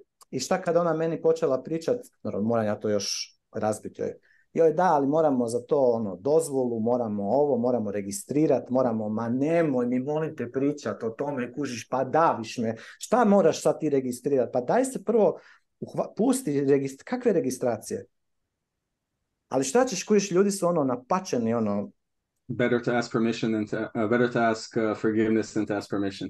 Da, daj, uhvati, kužiš, Kreni napravi, vidi, vidi te krave, donesi, napravi. Ona bi napravila kao e, vanjski vrtić za klince. A, a možeš dobiti dozvolu opet od te države. Sad, on, zamisli držav, dozvolu da bi klinci, umjesto da su ono zatvoreni u, u, u, u nekoj freaking tamo ono e, Zašto ne bi, zašto ne bi ova mala djeca... sa... zašto bi morali da maze magarce kad imaju simulator magarca na telefonu? Sad i ti, pa mislim, stvarno. Kojiš? Nista stvar. Posjet, posjet, e, ono, e, već... Ali... Vidi tu Ma, sreću. Oče, oče, oče, oče, oni. E, samo mora sam... Orange pil je... Magarci su divne pametne životinje, da, samo da kažem, to isto. Umiljati fit. Da. Dobri su. Ali ja bi isto tako recimo da imaju i više, vidiš, oni, oni to više rade sa ovim malim e, jančićima, jagnjadima, pa ih ono hrane, dudle, ali oni ti se oni vežu, kužiš, oni se, i onda oni mogu imati samo nekoliko tih malih ovaca. ja bih htio da. da imaš da ljudi jedu više mesa, tako da više ovoga puno ima, tako da ti imaš ono desetke tisuća, kužiš, posvugdje i, i, i jagnjadi i, i krava i svega jer, jer, zato, jer onda bi ljudi više to radili, kužiš, kad bi ljudi više, više ovaj, onda bi vidio više ovoga. Pa pošalje im onu stranicu u konzorcijum i nek pogledaju, mislim čisto da, vidi, da vide da neko to drugo radi i da mo, moguće je i možda će im dati malo hrabrosti da, da i oni mogu nešto tako da krenu. Da, to su oni. A inače su bili, živjeli su u Švedskoj, probali su ići tamo pa kao ono, naš, uživ, ono, uređena zemlja i tako dalje, pa su se vratili nazad rekli nije to nije to. to za mene, nije to to, da. nije to to jer nije. Ipak, ipak tu mi ipak ono imamo... Svi se nekako snalazimo. Da. Pa dobro onda, hoćemo... Ja samo hoću da kažem da u toj vrsti proizvodnje i svega toga nije više minus kao kako ćemo doći do tih ljudi, to više je kontrola kvaliteta, zaista. Da, da, da. Ne, gu, a, gubite poverenja, izgradnje poverenja, jer ti mali sistemi zasnovu su na poverenju, mislim, nekada često zašto se traže, nema pojma, ljudi hoće da vide, ne znam, licencu, da li je to uzgaja, ne znam šta ti ja znam. U suštini, hoće da vide neku vrstu tokena, trust tokena nekog, jel? koji da, da, da. i država jeste, uzurpirala taj deo da oni odlučuju jel šta je sanitarna inspekcija ostalo, odlučuju da li je to zdravo, da li je ovako ili onako. I sad ta vrsta povjerenja prvo treba se napravi, isto kažem, ovim paralelnim, jel, da kažem, kako kaže ekonomija, jel, šta je, kako se zove ne volim baš tako nešto da kako već kod nas... je velika stvar. Jest, to je proizvodnje hrane, jest. I prvo, taj, taj level može da sredi nekako Bitcoin ili nešto tu, i to, to, samo sam to teo, mislim, da ne ispadne ja sad nešto tu, ovaj, mislim da ta vrsta ekonomije ne može. Može, naravno, ti nemaš vremena, ti ne se baviš, ima ko može, da se bavi na pravi način tim, tako bi se ti bavio da imaš vremena, i onda naravno da ćeš da ga nagradi za njegov trud, to je sasvim normalna stvar. Da. Da pač. Da, is... Evo, hoćeš da nas gasi, što, dva i po sata čovjek. hoće ovo da sluša, ovdje? Nadam se da će neko. Nadam se da će neko. Mislim da, i dobro je da to tržište, tržište da ima, da se razvija i da, da bude kao takozvani competition između uh, između tih uh, farmi da što je bolji proizvod da ljudi znaju. Um, I onda ako ima to tržište, taj competition, onda taj kvalitet, ta reputacija će da, ono, posle nekog vremena će, oni će da, dostignu to i onda se zna ko je kvalitetniji, ko, čuva kako treba, ko hrani kako treba, da je čisto, da nije. A, I da, mislim da to je, to je sve dobro. Što više, nadam se da će vidjeti više i više to, tih stvari. Bome da. Dobro, momci, dobar razgovor. Gasinac čovječe, gasinac. Samo da kažem ću vas pre nego... Kažem ljudima pravimo što, ovo sve što ste čuli za cenu i to sve što prodaje, svaki Bitcoin projekt od sad pa nadalje će da kupi Larry Fink i BlackRock, samo znate, tako da... Samo da znate, da, da, da. Odlično. Pa dobro ljudi, pozdrav vama, čujemo se sljedeći put. Da, Ima nešto još. Dobro. Što se Braž, pojavi se kameru jednom. Hoću, Mislim, znam da menjaš ove, ove, kao simbolično menjaš ove pozadine, da kao, da dobijamo još i odnos šta misliš da, o stvarima. Ja mislim... Ma, da, čuvam opsek, neću ja na kameri, ali slobodno nađite me u gradu, bit tu. Malo sad, uh, vidjet ćemo za sljedeće nedelje, nadam se da ću moći doći malo do huba, pa ćemo vidjeti. I za ostali ljudi, ako bilo šta želite od ovoj, što smo specifično pričali u podcastu, da nešto još više razlogimo, samo recite tu u komentarima, mi ćemo uđemo da pričamo o nekoj specifičnoj temi na različite načine, možda vidite da malo namjerno pravimo dikotomiju sad ja ovaj, imamo dve vrste mišljenja ili ako neko hoće da uđe s nama u, u podcast, just let us know. Da, javno, slobodno. Apsolutno. Eto, dobro, ništa, pozdravljamo svih, olinajte u Bitcoin, nemojte se ovaj puno baviti s državom, pustite ju da se makne pomalo. ne sebe, više ta... sebe sa države, ne brini si ti od državi, ti makni sebe i sve ostalo. Uzmite si više slobode i odgovornosti. I ovaj, da. I nije, nije, neka, sve je to dobro. I ne sve teške neke stvari govoriš ljudima, uzmete, budite odgovore, daj čoče. A gle, ili ne, ili kako hoće, mislim se opet na kraju svako bira kako hoće. Svaki čovjek mora svoju odluku da napravi. Može. Vidimo se sljedeći tjedan. Još jedan put samo da, da, da pozovem ko gleda ako je u Crnoj Gori, bit će u Podgorici meetup tamo 17.7. za 10 dana. Imate detalje u ovaj u grupi, tako e, da... To, i... to, to, na meetup, tamo, tamo još, to će biti prvi meetup, jel? Ove grupe u, Crna Gori. Da, došao nam je jedan iz Crne Gore i oduševio se sa, s nama, sa grupom, sa društvom i onda inspiracija krenula da i on krene neki meetup tamo, pa to ću ja staviti na meetup.com da pogodi dio te grupe da zna i lokaciju i sve to i nadam se da ko je blizu da će moći malo da, da, da dođe da uživa, da se popriča malo. Svaka čast koji izdržu kraja ovog podcasta, samo da vam kažem. Svaka čast, da, da, da. Ajde ljudi, čujemo se. Pozdrav, pozdrav. pozdrav. Ćao, ćao.